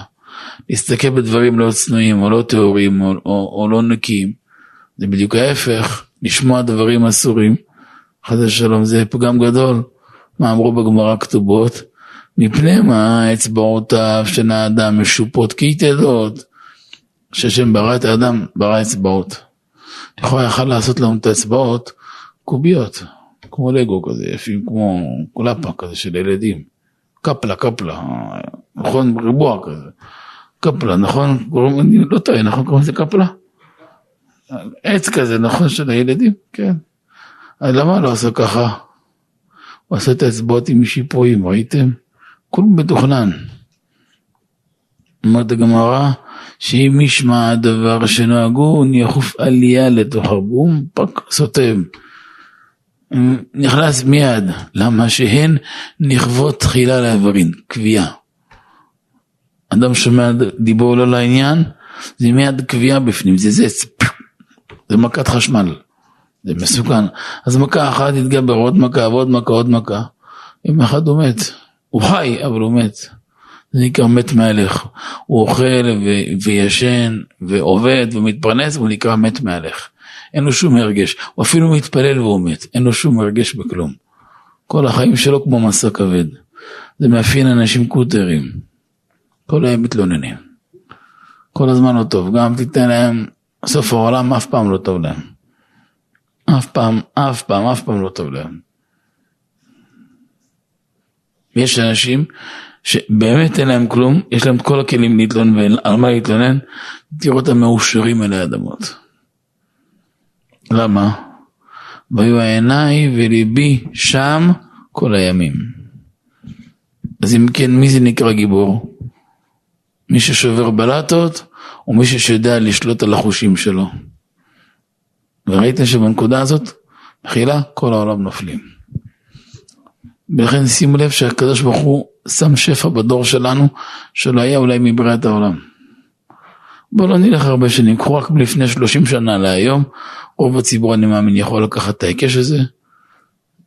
רק לפני 30 שנה להיום, כמה שפע השם פרס בעולם. רק משנת 90 להיום. איך היה העולם נראה ב-89, ואיך מ-90 שהתחילה הקדמה להתקדם בעולם. בואו נחזור רגע ל-90 או 88. אתם זוכרים 88 יצאה הפצצה הלאומית דלתא, צרת רבים, חצי נחמה? זוכרים אותה או שכחתם? כל בית שני ראית דלתא 88 לידו, צבע אדום, צבע זה. כל הצבעים שנעלמו מהאופק. השאריות של... בהתחלה כולם התלהבו, היה להם גם מחיר יפה, חי, 18 אלף שקל, כולם התלהבו. אחר כך כולם עשו וידוי גדול עליו. בסדר, לפחות חצי שנה טובה, סחבו איתה. אבל תיקחו את זה. כאילו העולם הכפיל את השפע בקנה מידה של אלפים ורבבות. ומה קרה בעולם? ומה השתנה בעולם?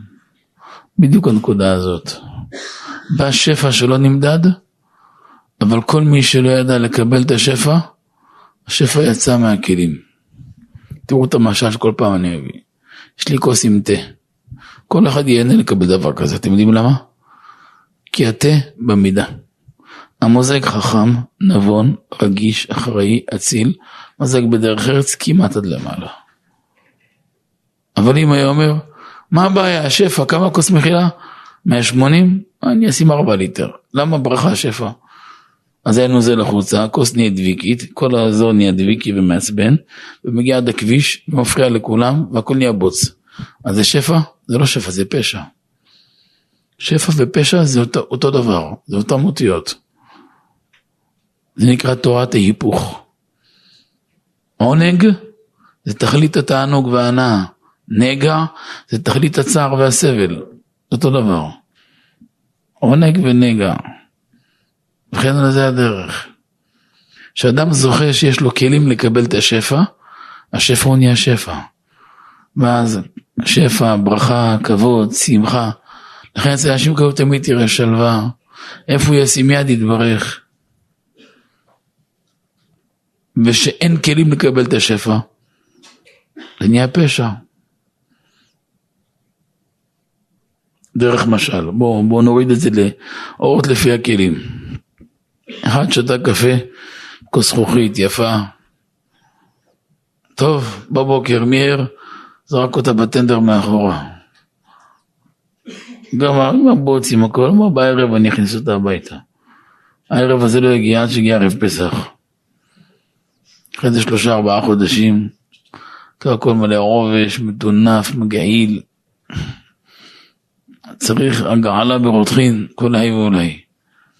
אבל איך הכוס ככה מטונפת, כולה מסואבת, כולה מלאה, כל הזוהמה שבעולם. רואה מישהו עם קוקה קולה קר, בחייך תמזוג משהו. מושמע, כאב לב, בל תשחית לא קולה. אתה לא חייב לשתות, אבל למזוג למקום מטונף, אתה מבין שזה בל תשחית.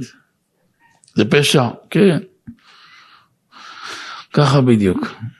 אבל אם אתה מגיע הביתה, אתה רואה כוסות כאלו נוצצים ככה, מבריק לך. כוס כזאת מבריקה, היא לבד קוראה לקולה להיכנס בתוכה. גם לא בא לך לשתות, כזה נוצץ, שתהיה בריאה כל כך מתקתקת לך את הכל. הכלים כל כך יפים, כל כך מהירים, זה לבד קורא לשתייה להיכנס. כי הכוס יפה, מבריקה, בוהקת. ככה זה בדיוק בנפש שלנו. לכן אף פעם, וזה כדאי לכם להכניס למוח עמוק ולנעול את זה הכי עמוק שאפשר, אף פעם לא כדאי להיכנס למחשבות לא טהורות, לראייה לא טהורה, לא נקייה, לא צנועה, רק לבדוק שנייה דחוף. תגיד, אין אינטרנט, מת אינטרנט. יש אנשים, תגידו, דקה בלי טלפון, שיגעת אותו. יש אנשים, השבת שלהם זה גיהנום, רק אין טלפון. יש אנשים מחכים כל השבוע, מתי יגיע שבת, השתבח שמולד, יתפטר מהחילה הזאת שיקרה טלפון.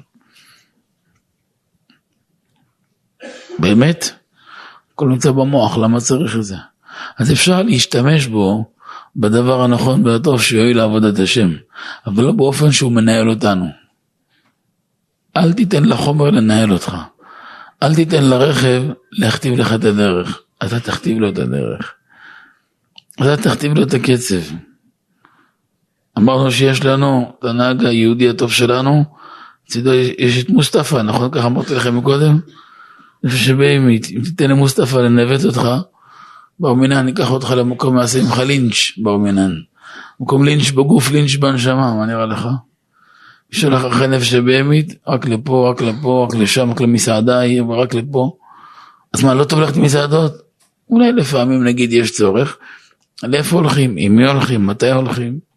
באיזה סיטואציה? מה רואים בדרך? איפה זה נמצא?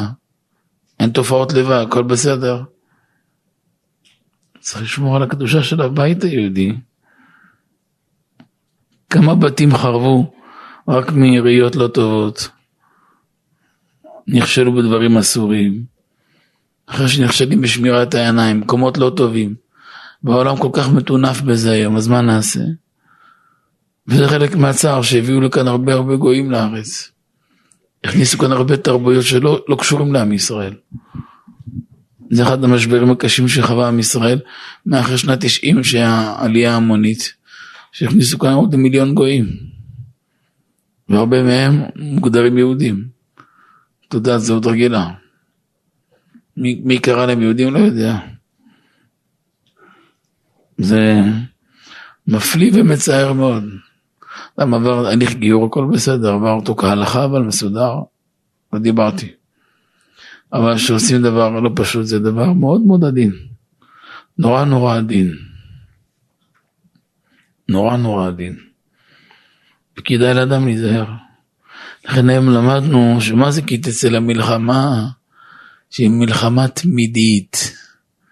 וזה המלחמה התמידית. יש דברים שיעזרו לאדם במלחמה הזאת. למשל, יש דברים שיש להם סגולה לסייע לו שהאלוקית תנצח את הבהמית, לשלוט. למשל, נגיד, תן דוגמה, דוגמה קלה, זה אמנם דבר קל שבקלים, אפילו לא דרבנן, אבל הוא מסוגל מאוד. נטילה של בוקר, כתבנו את זה בחלב הארץ, חלק ראשון, פרק ד', לקראת הסוף. נגיד, מה שכתב רבי זושה, בשם המגיד, מבעל שם טוב, התייצב על דרך אלו טוב רע לו ימאס. אדם פותח את העיניים בבוקר, איזה שעה שקם מוקדם, דבר ראשון נטילת ידיים. אומר רבי זושה, אם לפני שהוא נוטל, בלילה לפני שהוא ישן יכין כעריים נטלה, יכסה הנטלה, שים את זה לידו. ולפני שהוא מוריד את הרגליים מהמיטה, עוד הרגליים על המיטה, הרגליים בכלל לא ירדו לרצפה, נוטל ידיים. פעולה פשוטה. לפני שהוא מוריד רגליים, עוד הרגליים על המיטה הוא נוטל ידיים. בפעולה הפשוטה הזאת הוא מפריד יותר מ-90% מחלקי הרע של נפש הבהמית ממנו כל היום. אני בדקתי את זה בלי מספר פעמים. גם מבוגרים, גם ילדים, גם נשים, גם קטנים. זה כאילו, זה לא אותו אדם. 90% מעץ הרע של אותו יום משותק. תודה רבה. פעולה פשוטה מאוד. תודה רבה. לפני שהוא מוריד רגליים, נוטל ידיים. זו פעולה פשוטה מאוד. שמחנכים את הילדים לזה. מראש סוללים דרך של קדושה של יראת שמיים. שאימא טובה מארגנת את הילדים בבוקר לתלמוד תורה. דואגת גם להיגיינה שלהם. אמרתי פעם לזוג הורים כמה, אמרו לא נעים. מה זה לא נעים? אוי ואבוי אם ההורים לא יודעים לעשות את זה. זה תפקיד של אימא בדיוק, בדיוק על זה יש לעולם הבא. הצד שיש לאיש שכר על עולם הבא, על בית הכנסת ותורה ותפילה, אישה שלוש מצוות המרכזיות שלה, זה בדיוק הנקודה הזאת. שולחת את בעלה לשיעור תורה, היא מחכה לו ומנקה את הילדים, מסבירה להם כללים של קדושה, של צניעות, של היגיינה. יש הרבה מודעות לזה בעולם, קוראים לזה מוגנות. אגב, היא גם צריכה להסביר את בעדינות, לא לטחון להם את המוח, אבל בעדינות צריכים להיות ערניים. לא כולם בעולם בריאים, צריך לשים לב, להיות שמורים מאוד, קדושים מאוד, נקיים מאוד, טהורים מאוד. אדם בינו לבין הבורא יתברך, הקדושה של יהודי, ואלו דברים שגורמים להשראת שכינה. אחר כך מה קורה אצל אנשים כאלו גודלים ישר, נקיים וטהורים, חיים סלולים לפניהם. חיים סלולים לפניהם. זה מפתח שהרבה הרבה דברים יעמדו עליהם. לכן אשר חלקו שמישהו קדוש. לכן תחילה הפרשה פותחת כי תצא למלחמה על אויביך מלחמת היצר. אז חוץ מאשר מלחמה גשמית, מלחמה רוחנית. וכן מבשרת התורה, איזו גיבור הכובש את יצרו, כאשר האדם מצידו יתאמץ בכל כוחו להתגבר על יצר הרע, לכבוש אותו מתחת ידו, הקדוש ברוך הוא יסייע לך. ונתנו אדוני אלוהיך בידיך. אבל ושבית שביו. אחרי הכל אומר אדוננו בן איש חי הקדוש, זכותו יגן עלינו. יצר הטוב הוא מלאך. בהצלחה. יצר הטוב הוא מלאך. אני אגיד לכם יותר מזה, הוא מלאך קדוש. לא, לא תאהבו לשמוע את זה. הוא מלאך קדוש. הוא עושה תפקיד שלו. הוא עושה תפקיד שלו. מה התפקיד שלו? להסטין ולקטרג. זה לא כיף להיות שם. זה מה שעושים פקחי בנייה, או שוטרים שעושים דוחות. תפקיד מכוער. אבל זה גם קיים בעולם. מה נעשה? יש כאלה שבחרו להיות שם. זה תפקיד מאוד מכוער. צריך הרבה תשובה וכפרה גם. אבל בוא נניח את זה. וזה המציאות. אבל הוא, הוא כשלעצמו הוא מלאך קדוש. כשאתה מגיע אליו, הוא כשלעצמו מלאך קדוש. כמו שאותו פקח, אותו שוטר שאתה, כבן אדם, אדם נפלא. אבל שהוא בכובע של העבודה שלו, צריך לעשות את התפקיד שלו. אלא אם כן הוא מחליט לעזוב את העבודה שלו. יצר נמצא את עצמו מלאך. לכן תראו בתפילות של בן איש חי, הוא קורא והסר נא מעלינו, שימו לב, צד הרע שביצר הרע. הוא לא אומר הסר נא מעלינו יצר הרע, את צד הרע שביצר הרע. תשמעו, אני אומר לכם, סע ישר ברמזור השלישי, לפני ימינה. כשאמרתי לך ימינה, אתה מבין שיש ישר, יש שמאלה, יש ימינה, אז תבחר ימינה. אם כל הכביש מתעכל רק לימין, אני לא צריך להגיד לך פני ימינה. הישר זה ימינה. כשאני אומר לך פני ימינה, כי יש גם שמאלה. כשאני אומר צד הרע שביצר הרע, כי יש בו גם צד טוב, שהוא מלאך. מה עשו הצדיקים? למשל דוד המלך, אמר וליבי חלל בקרבי.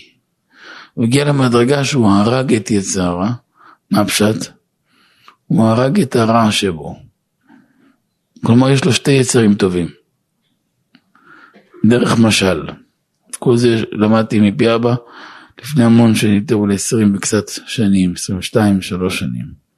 דרך משל, אמר אבא, שתי הערים נלחמות זו בזו, נגיד שתי מדינות נלחמות זו בזו. נניח כל מדינה, נגיד 10 מיליון תושבים, מדינה א' נלחמת בב'. יש שתי מצבים של מלחמה. אפשר שא' שולח אטום על ב', ואז נגמר המלחמה, אבל גם נגמרה המדינה. כמה שנים תופעות לוואי של ירושימה. כל כך הרבה שנים. מה קרה? רק אטום אחד. אבל לאטום יש הרבה משמעות. וסכנות אה, בלתי נתפסות. שהם ישמעו. אז אמנם א' הרוויחו שקט, אבל הנזק הוא בלתי יתואר. או שא' מציגים כל כך הרבה כוח על ב', ב' רואים כל כך הרבה כוח עומד מולם, יבהלו מאוד. אומרים, תשמעו, אנחנו מוכנים לתקצב אתכם, להחזיק אתכם, לממן אתכם, לפרנס אתכם, להאכיל אתכם, הכל טוב. אבל זו רשימת התנאים שלנו. מלך כזה, הוא כל כך חזק, אתם יודעים למה?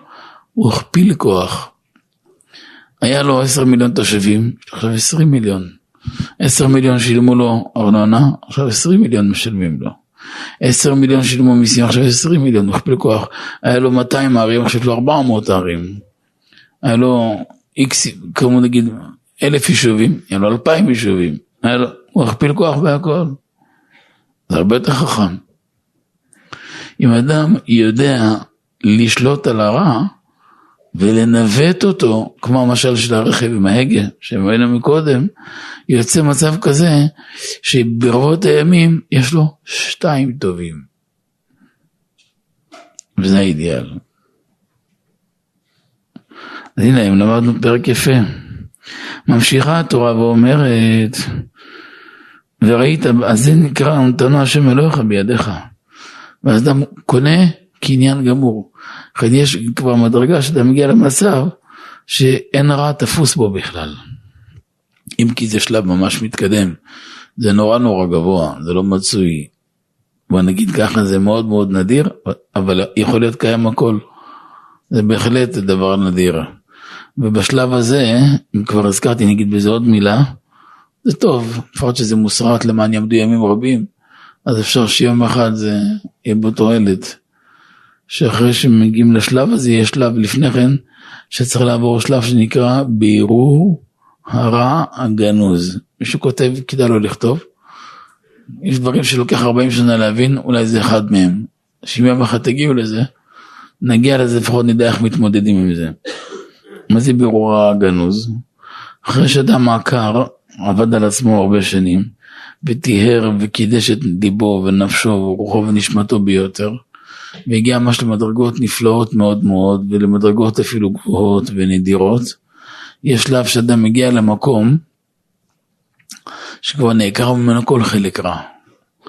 אבל לפני שהוא מקבל תעודה, מעבירים אותו סוללה של ניסיונות. אני, אני קצת מגשם את זה כדי שייתפס. תעודה או לא תעודה, יעיד עליו ידעת תעלומות, אבל זה התעודה. אבל לפני שהוא מקבל מדרגות מסוימות, מעבירים אותו את כל סוגי הניסיונות, ושימו לב, אין הווה אמינא גם לא אחד למיליון שהוא ייפול, הוא לא ייפול. אבל אם בכלל היה זיק של התעוררות או לא, דרך משל, בוא נוריד לכם לפס מעשי, יעמדו לפניו עכשיו משטח 200 מיליון דולר, ככה משטח גדול מהרצפה עד התקרה. רואה שטרות יפים, נוצצים, מבריקים, חבקים, חבילות, הדוק, פשוט אומרת יופי, אפילו חלום כזה. בשנייה שהוא עובר ליד זה, עשה לו משהו בלב, נפתח משהו בלב. מה נגיד, נשם ככה, העלה איזה חיוך. או מבחינתו, כמו משטח טישו. אף אחד לא מזלזל במשטח של טישו, זו סחורה יפה, חשובה, נצרכת, היגיינה. זה צורכי האדם, זה בסדר, זה כבוד האדם. זה לו, זה יש לו שליחות. ראיתם, זה שתי סוגי מבטים שונים. יש אדם בשביל כמה שטרות יכול לרצוח, יכול לגנוב ולנעוף ולעבור על כל, כל עניינים. יש אדם, מה פתאום, בחיים לא. כולו קודש קודשים. יש מישהו בשבילו, אז עוד כמה חבילות אישו.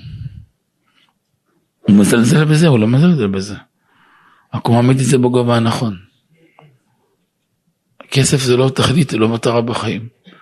הוא אמצעי לעשות בו מצוות ומעשים טובים. אז פה למשל, דוגמה, במצב כזה הוא בירר את הרע הגנוז של תאוות ממון. וכן כל מיני תאוות אחרות, יעבירו אותו את כל סוגי הניסיונות, ומבואר בספרים, יש ניסיונות קשים, קשים מאוד. ולכן התנא אמר, ושתנא אמר אל תאמן בעצמך, הוא התכוון למקום הזה, אל תאמן בעצמך. אל תאמן בעצמך. אבל זה צריך הכנעה, ולכן פתחנו את השיעור בהכנעה. מה זה הכנעה? לב נשבר. לב נשבר זה לא עצבות, דיברנו על זה. עצבות זה אפיקורסות. לב נשבר זה הכנעה, זה כלי קיבול. בתיעד אל השכל פנימה, להגיע לחשבון נפש. ולטהר את הלב מכל רבב של אשמה. ואז על זה ממשיכה התורה, וראית בשביה אשת יפת תואר וחשקת בה. היינו, כי נשמתו האלוקית של אדם נקראת אשת יפת תואר, על שם יופייה האלוקי וגודל אורה וקדושתה. האור שלה והקדושה שלה בוקעת בכל העולמות. שהרי חלק אלוה ממעל, איך כתוב, ואתה נפחת בי, להבדיל אדם שמנפח בלון. מה הוא עושה? כל הרוח הפנימית שלו הוא מוציא בתוך הבלון. כביכול הקדוש ברוך הוא ואתה נפחת בי את כל התוכיות שבך, התוכיות שבך הכנסת בנו, זה הנשמה שבנו. אז מה נמצא בתוכנו? הקדוש ברוך הוא בעצמו השתבח, זה הנשמה שבנו. מה זה נפח? מתוכן נפח, בתוכיותו נפח, מדילה נפח.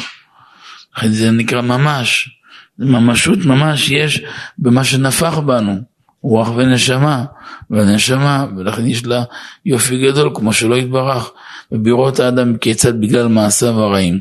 הנשמה הקדושה שלו איבדה את רום מעלתה, את יופי קדושתה, נפלה בשבי, בידי הקליפה, בסדרה אחרא, פתאום מרגיש איפה כל מה שהרב דיבר היום, איפה אני בכלל, 200 אלף קילומטר מרחק, כמה פעמים נכשלתי בשמירת העיניים, כמה פעמים בזה, כמה, איפה אני, אם בכלל יש איזה סיכוי פעם, אמרו בטח. למשל, למה הדבר דומה? היום יש הרבה משלים. נעשה לפחות לחיים אחד, לחיים. משל למה הדבר דומה? אני מחזיק עכשיו ביד, נדמיין, יהלום שווה מיליארד דולר. מיליארד דולר. אבל מחילה מכבוד, הוא נפל, סליחה, מחילה, מחילה מכבוד המקום הקדוש, בית הכנסת, הציבור, הקהל, עם ישראל, הוא נפל בתוך מחילה גוש גדול של גדולים. מגעיל מסריח, ריח עד סוף הרחוב. אבל היהלום, מיליארד, לא מיליון, מיליארד דולר. אתם מוכנים להוריד עליו מים באסלה? בואו בוא נהיה אמיתיים. מישהו כאן מוכן להוריד מים באסלה? תרים, ירים יד. מה? אתה מוכן? מה תימני ויותר על יהלום? לא הזכרתי דולר. גם אותו נגייר, תביא אותו. יש כאן, יש כאן מיליארד דולר, אתה מוכן לוותר עליו? מה הבעיה? מתלכלך? אנחנו הנבטנים, אנחנו נדע להרים אותו, נלטש אותו, נעשה אותו בזהירות, תחת ברז מים, אולי חמים, אולי קרים, נסתום את האף, לא נורא, הנבטנים, הכל בסדר. נבריק אותו, נצחצח אותו, הכל יהיה בסדר. אם אני יודע שעוד שעה ועוד יום, יומיים הולך לבורסה, והוא מונפק במחיר מסוים, ומחר זה מופיע בחשבון, אנשים יחצו נערות וירדנים עליו. אין יהודי שהוא פחות לא ממיליארד, מטריליונים. אין מספר, גם נפל בכל מה שנפל. אף פעם, תזכרו את המשפט הבא, אף פעם, אף פעם, הנקודה הפנימית שבאדם לא מתלכלכת. כל מי שהתלכלך זה החוץ. הבגדים התלכלכו, אז נתמודד עם זה. אז הוא צבר עננים של אבק, הוא צבר לכלוך, הוא צבר רפש ותית. מה קרה? הצטבר מסביב, מה עושים? ינקו אותו בכלים הנכונים, באמצעים הנכונים, אבל ישמרו עליו. לכן לא משנה מי, מי מולנו, לעולם יהודי ישראל, אף על פי שחטא, ישראל הוא. מדברים יהודי, לא מדברים עם גוף, מדברים עם הנשמה. גם הגוף שלו נפל איפה שנפל, הנשמה שלו נשארה נקייה וטהורה בפנימיותה, כפי שהיא במקורה בשורשה העליון. אבל כל אחד מבין, דרך משל, שאם יש לי שמשה של האוטו, בואו בוא נגיד ככה, אז עכשיו תבינו אותי טוב. יש שמשה של האוטו, אוטו חדש, לפני שלוש שעות הוצאנו אותו מה, מהחברה, מהסוכנות, נוצץ.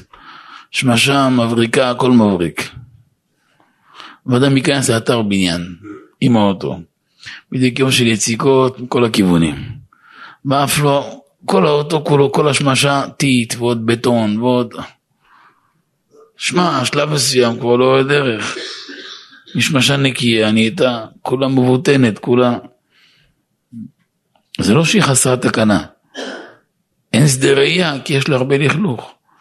אבל ברגע שאנחנו נפריד את הלכלוך והטינופת, לא קרה כלום. בדיוק זה מה שקורה באדם. לכן העבודה שלנו, ודווקא עכשיו באלול זה את רצון לעשות את זה ביותר, זה לנקות את כל המקיפים החיצוניים שדבקו בנו. דרכו של יצר להגיד לאדם, כבר נפלת איפה שנפלת, אתה כבר כזה מסואב ומטונף, אין לך תיקון, אז לפחות תהנה מהחיים. זה לא נכון. זה לא נכון בכלל, זה רחוק, רחוק, רחוק מכל הבנה. יהודי, מה שלא יהיה, אי אפשר לקחת לו את הנשמה הקדושה שבו. והנקודה הפנימית הזאת היא אור אינסוף ממש שמאיר בתוכו של כל אחד. יותר מזה רבי נחמן כותב שיש לכל אדם אלפי מעלות, אבל יש נקודה אחת בתוך תוכיות הנפש, שבאותה נקודה האדם הכי שלם בעולם. שמעתם מה אמרנו? יש נקודה מסוימת לכל אדם, ואצל כל אדם זה נקודה אחרת, שבנקודה הזאת הוא הכי שלם בעולם. ובנקודה הזאת הוא נקרא צדיק יסוד עולם. ואין בכל הדור מישהו שלם כמותו באותה מידה, באותה נקודה. ואין אדם שאין בו אין סוף דברים טובים. גם מי שנפל איפה שנפל, יש תיקון ויש תשובה להכל. רק שמפה דף חדש. אז נכון שמה עושה החטא? כמו יציקה על הנפש, מחשיך את האור שלה, מחשיך את הודה, ועודו נהפך עליו למשחית. כל היופי וההוד והבוהק הופך להיות מסואב ומלוכלך וחושך. ברגע שהאדם מנקה את הנפש שלו, וכאן מתעורר הרצון של כל אחד בחשק גדול נפלא לפדות את הנפש האלוקית מהשבי שנפלה בשבי ביד נפש הבהמית. עכשיו זה מקבל יותר במה הדברים. כדי להצליח בזה, התורה מייעצת לאדם כמה עצות. א', ואהבת אל תוך ביתך, שישתדל ומאלול הקדושים לבוא לבתי כנסיות, בתי מדרשות נקראים ביתך. כי הבית האמיתי של יהודי זה בית המדרש. אמרו רבותינו, בית הכנסת, בית המדרש, פרדס לצדיקים וגיהנום לרשעים. אדם צדיק, איפה תור שהוא צדיק? בא לבית כנסת, בית מדרש, נושם איזה נשימה, הלוואי אינשאללה שלא נצטרך לצאת מכאן לעולם. לפעמים אתה יושב באיזה שיעור תורה כל כך מתוק לך, אתה מרגיש מים קרים לנפש העייפה, אתה אומר, גם הרב ידבר עכשיו חמישה ימים, אני יושב רצוף, לא, לא זז, לא מרגיש יום או לילה, לא, שום דבר לא מזיז אותו. וזה רפואה, זה נקרא פרדס לצדיקים, סימן שהוא צדיק. אבל יש אחד איך שהגיע, יאללה טלפון, רגע אבל שתיתי קפה, רגע אבל גם תה, אבל זה בלי סוכר, לא עם סוכר זית, לא אבל אני, אתה יודע מה, גם סוכר, גם אחד זה, אבל גם קורסון, וגם חבל מה, בלי קורסון, איזה טעם של הקפה. רגע, גם זה, רגע אבל אשתי גם צריכה אותי, טוב יאללה מאוחר, לא נורא פעם אחרת. זה ככה זה קורה. בפנים הוא על קוצים, אם החזן עוד 30 שניות עצם עיניים וביקש רחמים על איזה בן, על איזה בת, על איזה חולה, על איזה פרנסה, איזה משהו, מיד כולם נתקע להם הסטארטר אותו בוקר. כולם נמצרודים, כולם מסמנים לו. הם זוכרים רק משפט אחד תורך ציבור, זהו, זה מה שיש. אין, שום סעיף בכל שולחן ערוך, בכל התורה, רק תורך ציבור. תורך ציבור הראשון מצאנו אצל המתלוננים, אצל הערב רב. לא מצאנו אצל עם ישראל הקדושים. ואילונו העם, זה ערב רב, זה... הם המקור לתואר ציבור. ואם הוא ביקש עוד כמה שניות איזה בקשה לאיזה רחמים. אם אתה, הבת שלך עכשיו הייתה בחדר לידה, קרועה בין שמיים לארץ, לא היית מתאמץ בתפילה. אם אדם לא יפרס שיחתו לפני השם, איפה יפרס שיחתו? אם לא בכנסת איפה? מה הפלא? כל הלחץ שלו בחוץ יכול 40 דקות לבעלי המגש קורסונים זה לא ממהר, אין בעיה. יכול לגמור כוסות קפה כמו אחד אחד, על הסדר. שם הוא לא ממהר. זה נקרא רשע. אז בית הכנסת, בית המדרש, פרדס, לצדיקים, ומשהו אחר לרשעים, גיהנום. הוא לא יכול, הוא מתבשל שמה. לא הוא מתבשל, החטאים שלו מבשלים אותו. לכן אדם על הבית כנסת עושה תשובה. משקיט את הרוח שערה של העולם מסביב. טלפון שישאר באוטו, ינגן קצת, לא קרה כלום, תאמינו לי, אחלה. מקסימום תראה רק כמה שיחות שלא נענו, הכל בסדר. אבל אדם קצת מגיע לכמה תובנות, עושה סדר בראש, עושה סדר בחיים שלו, מתחיל לחיות במקום נקי, במקום שמח. אגב, זה אחד הכלים הבסיסיים, תקשיבו טוב, אם, תזכו תבינו עכשיו, של אדם להגיע לעצמו. אני אוסיף לכם עוד משפט. והלוואי ותכתבו אותו, והלוואי ויום אחד תקראו אותו, וכולי ואולי זה יעזור לכם להגיע אליו. הכוונה להינצל ממנו. רוב העולם, רוב העולם, תכתבו את זה, עובר ליד החיים. רוב העולם לא חי את החיים. כאילו יש כאן צינור של חיים, עוברים ליד הצינור מבחוץ.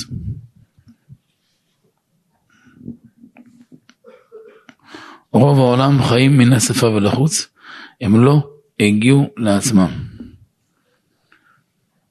אתה רואה את ההבדל אדם שהגיע לעצמו באמת, הוא מטפס למקומות שלא לא שגרתיים. כי הנפש אלוקי תקבל במה ועוצמה ותעצומות שאין להם סוף, והדבקות בהשם תהיה מנת חלקו, ומשם בערה אל כל המקומות, אל כל ההשגות. זה שורש התסכול של רוב בני אדם. בתוך שהם לא מגיעים לעצמם, מי שלא הגיע לעצמו, אף פעם לא יכול להגיע לאשתו. אין מצב שאדם לא הגיע לעצמו. כמו שתגיד לי, יש מורה נהיגה שלא למד אף פעם נהיגה, ואין לו רישיון והוא מורה נהיגה. הוא לא למד נהיגה, ואין לו רישיון, והוא לא יודע נהיגה, והוא יהיה מורה נהיגה. מי שלא יודע שתי מילים באנגלית יכול להיות לו מורה לאנגלית. איך זה מסתדר? אתם מבינים שזה לא הולך, ככה זה. זה שיעור של היום נותן לנו כלים כדי להצליח לטהר את הלב והנפש, להתעלות ולהתקדש, אל תוך ביתך, השתדל בימי אלול, יותר בבית כנסת, יותר בבית מדרש, נקרא ביתך. זה הבית האמיתי של כל יהודי, להרבות בהם בלימוד התורה, בעבודת התפילה, יותר מכפי הרגלו כל שאר הימים. בסגולת התורה הקדושה שאדם ילמד תורה לשמה בטהרה, להתיש את כוחו של יצר הרע, לכן אמרו בגמרא סנהדרין, כ"ו, התורה נקראת תושייה, שמתשת כוחו של אדם, כלומר כוח של יצר הרע ונפש הבהמית, נחלש בכוח לימוד תורה. בינינו היום, אפילו אתה נוסע באוטו, אתה יכול לשמוע שיעור, אבל לא סתם לשמוע. גם אתם שומעים שיעור, אל תשמעו דרך הרדיו, כי הצינור מלוכלך. גם בדרך כלל הרוב, לא יכול להוקיע, אבל רוב מי ששם לא, לא נקי. אה, כל מיני דברים לא, לא ברורים עולים שם. אין מי שמסנן את זה. המסננת שלהם זה כסף, כמה משלמים להם, זה לא, לא מניע אותם התוכן שהם מחפשים לתת תוכן לעם. לשמוע שיעורים של תלמידי חכמים אמיתיים ומסודרים. בהלכה, כך קו, כך אחד כמו רב עובדיה, זכרונו לברכה, זכותו הגן עלינו, קח אותו בהלכה. אל תשמע אף אחד, רק עם אחד לך. אגדה, תשמע ככה, נגיד חסידות, קח שתיים שלוש, להיצמד אליהם. ולשמוע אותם, לנשום את התורה שלהם. אז גם הנסיעה של האדם נהיית מצווה. זה עסק התורה, מגיע לבית מדרש, מנצל את הזמן. במקום הזה, שילדים מזהים שאבא יודע לסדר את החיים שלו, גם אצלם הראש משתנה לטובה. כל החיים משתנים לטובה. כל החיים משנים פלח. והכל משתנה לטובה ולטובה ולברכה. ויתרה מזאת, יש בכוח התורה הקדושה גם לאבד את היצר לגמרי, כמו שאמר רבי ישמעאל בגמרא קידושין דף ל עמוד ב'. אם פגע בך מנוול זה, יצר המושכו לבית המדרש. אם אבנו, נמוח, ואם ברזל הוא מתפוצץ. והעצה הזו היא למעלה מכל עצה אחרת, שרק הקדוש ברוך הוא שברא את היצע הרע, הוא קבע ואמר בראתי יצע הרע, בראתי לו תורת תבלין.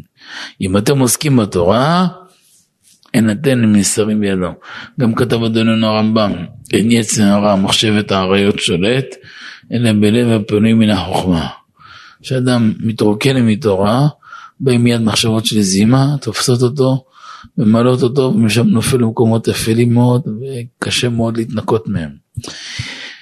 גם אדם לא חטא, בעצם הכניסה למקומות האלו כבר מתלכלך מאוד. בוא נגיד, נגיד בעדינות, בעצם הכניסה למקומות האלו מחשיך אור. כבר נהיה אפלה. האפלה ממלאה את כל חלל הלב שלו, וזה לא טוב. לכן צריך להיות יהודי תמיד קדוש, תמיד נקי, תמיד טהור. זאת ועוד, יהודי שיודע לנצח ולשמור על קדושת החושים שלו, ולשלוט בהם. איך קראנו לו מקודם, שהוא נתנה? גיבור, נכון זהו גיבור? כובש את יצרו, שולט על קדושת העיניים שלו, על האוזניים שלו, על החותם, על הפה. יהודי כזה, איפה שמחר ישלח יד יתברך. תראו מה עלתה ליוסף הצדיק, שמר על העיניים שלו, שמר על החושים, מלך על כל העולם. בהתחלה מלך על מצרים, 40 שנה, אין אופוזיציה. רבותיי, מי שהיה חושב אחרי יוסף מחשבה לא טובה, היה נופל מת. מי שהיה מדבר בכלל מאן דחרשבן, נגמר. אין דבר כזה. אחרי 40 שנה המליכו אותו על כל כדור הארץ והוא מלך על כל כדור הארץ. עשרה מלכים הלכו בכיפה, כיפה זה כל הכדור, שבע יהודים, שלוש גויים. אחד מהם, יוסף. יוסף הצדיק מלך, כי מי ששולט על העיניים שלו, בסוף לא יהיה גבול העושר שלו, עושר בעין, כך כתוב בבית יוסף, מרן הבית יוסף באבן העזר, כ"א. תראו בשם הראש. ואף פעם עין הרע לא תשלוט בו, תחת שהוא לא, לא פגע מהעיניים שלו, העיניים שלו לא נפגמות, ואף עין לא יכולה להזיק לו. בין פורת יסף בין פורת העלה העין, עולה העין, שהעין לא יכולה לפגוע בו. ודבר נוסף ואחרון חביב, אומר זוהר הקדוש, מלכות התנתרת לה, שמורה לו מלכות. ולכן זה נקרא מלחמה תמידית. אבל העצה הזאת היא למעלה מכל עצה אחרת, שהרי הקדוש ברוך הוא שברא לי יצר הוא, קרא, הוא קבע שהתורה זה תבלינים שלו. לכן יהודי חייב להיות קשור לתורה. אבל גם כשהוא קשור לתורה צריך בתנאי, וגילחה את ראשה ועשתה ציפורניה. אם אדם עוסק בתורה, אז קצת ינבל וישפיל את עצמו. ילמד את התורה מתוך הענווה, מתוך שפלות, שלא ייפול לגאווה וגסות רוח. הרבה חזרו בתשובה, היו במאים והיו שחקנים כרחוקים, חודשיים אחרי שחזרו בתשובה חזרו עוד פעם לבמות, בבוש אחר. זיקה חזר בתשובה, לא החליף בגדים, זה לא נקרא חזר בתשובה. תשובה זה עבודה פנימית. היה לו נטיות רעות ועבד עליהן. ניקה אותם, נטהר מהם, זה נקרא תשובה. זה לא להחליף בגדים, זה לא קודים. לכן צריך ללמוד תורה מתוך הענווה, ואז כשלומדים תורה מתוך הענווה, הוא יפיק את מירב התועלת מהתורה הקדושה והסגולות הרבות והנפלאות שלה. והתורה כזאת היא גם תורה שמנקה, מטהרת, מקדשת, שלושת השלבים.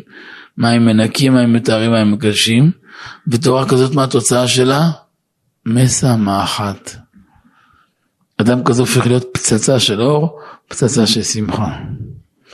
עצם הקרבה אליו זה מקור של תענוג, מקור של אושר ושלווה. אין דבר יותר בטוח מלהיות בסביבה של אדם כזה. למה? כי לימוד תורה שלו לשמה בטהרה, הוא מגן על העולם. כל מי שמסביבו מרגיש בטוח. כל מי שסביבו מרגיש בטוח. הוא נהיה לאט לאט כמו פנס גדול שכולם נשענים עליו. יתד להעיר, להשפיע על כל העולם. כמו שהשמש משפיע על כל העולם, הוא גם נהיה כמו השמש. בעצם הקשר של אנשים אליו נותן להם חסות. נותן להם חיסיון לחסות תחת כנפיו. זה תפקיד של כל יהודי להיות במקום הזה. תראו כמה חשוב הכוח של לימוד תורה. היה צריך לב, צריך נשמה עם זה. וממשיכה התורה להדריך את האדם בדרך נפלאה בדרכי התשובה, וסירה את שמלת שביעה מעליה. שמלת שביעה, אומר רבא, הרב יורם עליו השלום, זכות להגן עלינו, רומזת לגוף העכור, משוקע בתאוות חומריות, תאוות אכילה, ממון, אישות, כל מיני תאוות חומריות. כל מה שאמרתי בגבול של הצורך זה נכון. אכילה, שתייה, אישה, ילדים, בגבול, בטעם הטוב, הכל טוב. כשחורגים זה קצת מסוכן, אמרתי לך שנשפך מהכוס החוצה זה חבל. צריך תמיד להשאיר טעם לעוד. וזה גורם לכלוא את הנשמה האלוקית בשבי הקליפה ולהחשיך את תורה ותפארתה. ומלמד את התורה הקדושה, אני מסיים, מלמד את התורה הקדושה שכדי שיזכה האדם לשוב בתשובה שלמה, להתקרב לבורא יתברך, עליו להסיר מעל נשמתו הקדושה את שמלת שבייה, כלומר להרחיק מעליו את תאוות החומר, ולפרוש מכל פגם, ולקדש היטב את כל אברי גופו. ואז מה יקרה? יפציע ויזרח אורה של נשמתו הקדושה. הייתם? אחרי שהוא מקלף את כל הקליפות האלו מסביב, פתאום אתה מתחיל לראות איזה אלומת אור. פתאום אישה רואה בבעלה איזה אוצר בלום, איזה אור גדול יש לו, כולו תורה, כולו קדושה, כולו ענווה, איזה כיף להתחבר עם השכינה. וכל זמן שאיברי גופו של האדם לא טהורים, ממילא גם המצוות לא טהורות. כתוב ברבי אברהם אזולאי, בספר שנקרא חסד לאברהם, קדמון, 400 שנה, מקובל גדול וקדוש. שאדם טמא, שטימא את עצמו בעבירות, דברים לא צנועים, לא טהורים, שורים עליו 400 אלף כיתות של מלאכי חבלה. 400 אלף. מביא, זה לא נתפס המספר הזה. ויש עשר ריכוזים של שיער בגוף, מקומות שיש שיער בגוף, בכל ריכוז כזה נאחזים 40 אלף כיתות. 40 אלף כפול 10 זה 400 אלף.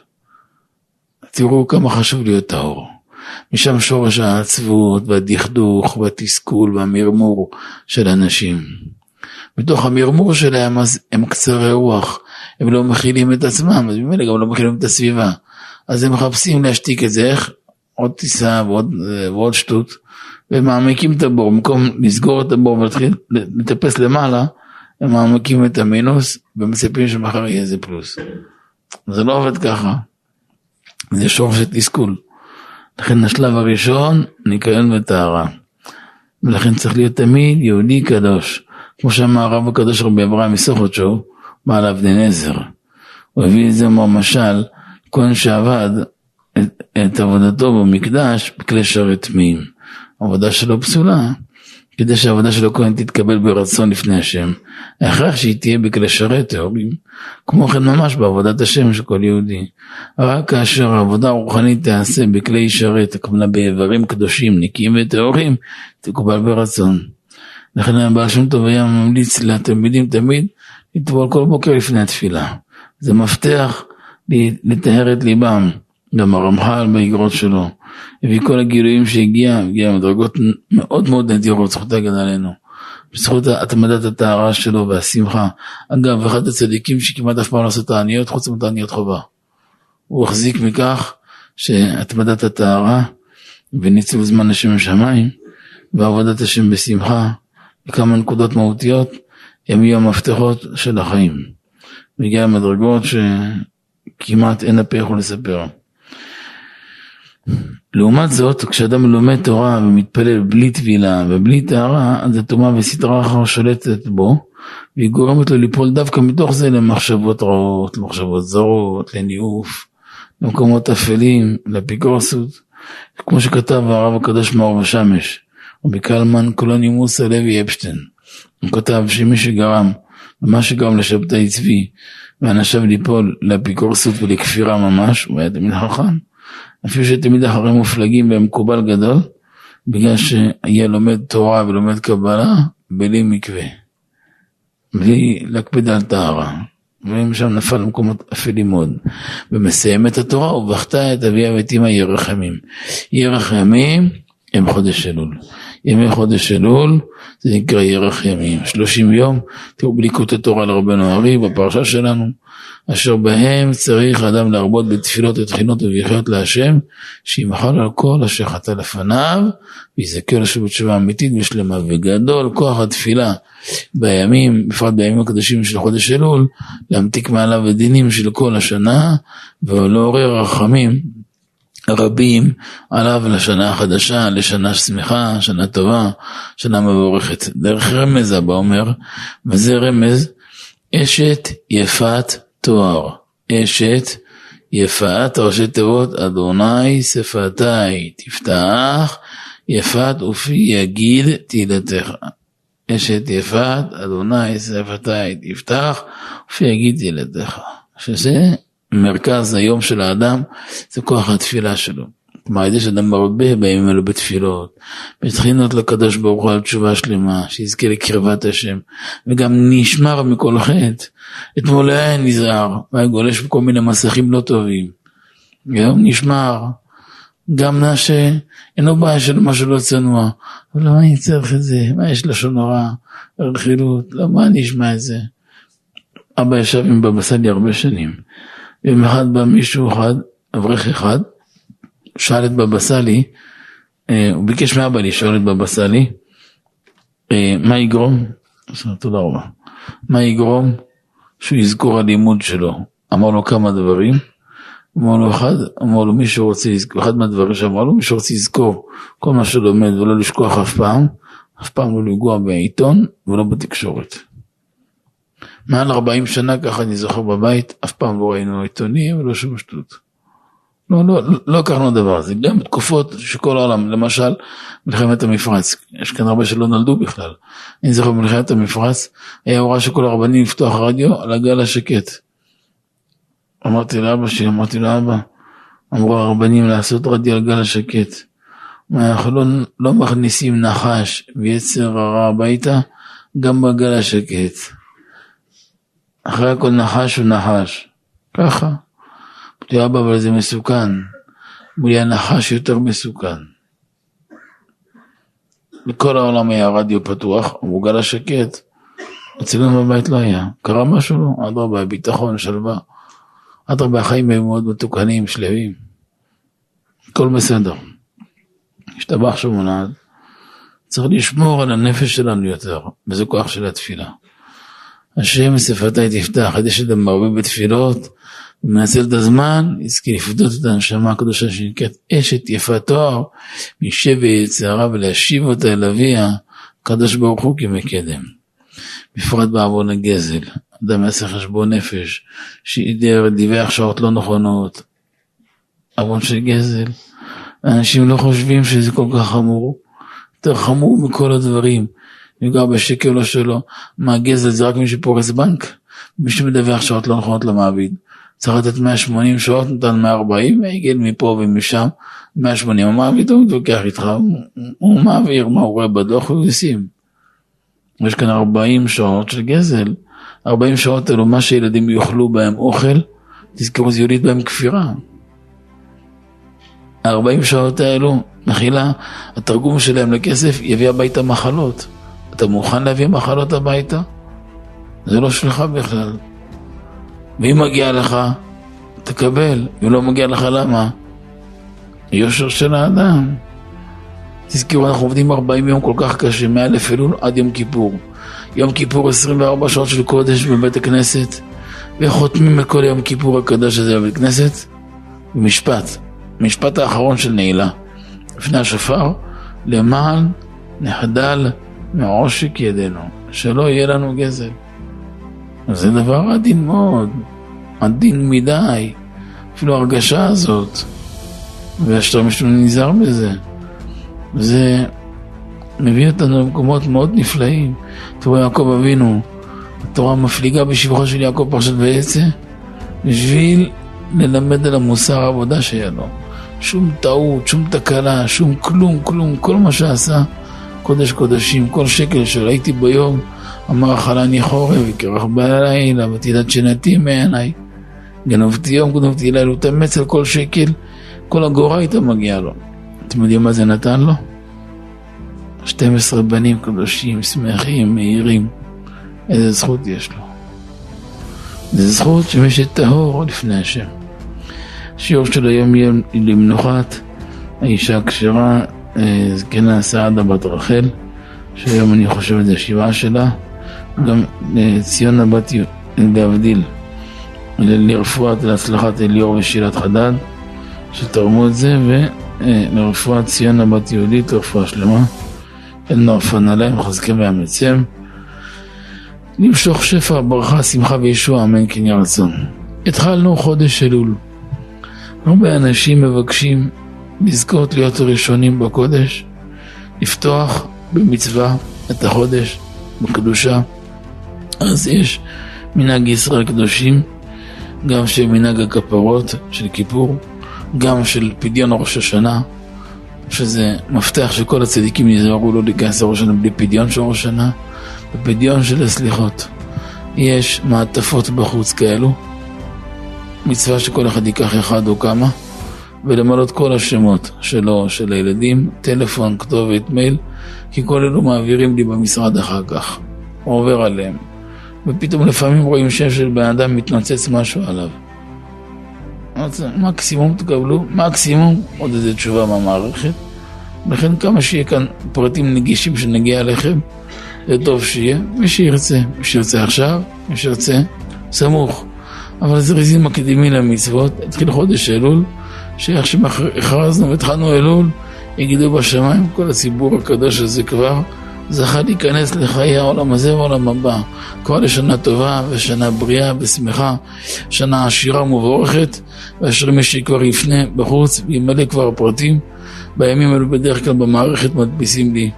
כל בוקר אני מגיע מוקדם באשמורת, כבר הצוות מכין טבלה, אקסל מסודרת, על השולחן שלי מדפיס בניירות דפים, השמות, הפרטים שלהם, על פי בשעת רצון, עוברים עליהם. גם אם לא חזרנו אליהם, כל השמות האלו עוברים אליהם, מתברכים, מזכירים אותם לטובה ולברכה, מכוונים עליהם.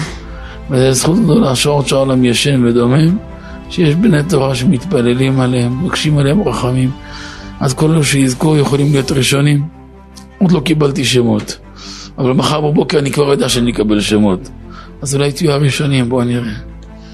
השם עמכם בכל אשר תעשו. ברוך אדוני לעולם, אמן ואמן. ברך שמו של מלך מלכי המלכים, הקדוש ברוך הוא, שהוא ראשון והוא האחרון, בעל אדם אינו לעמדת הבינה והחסד.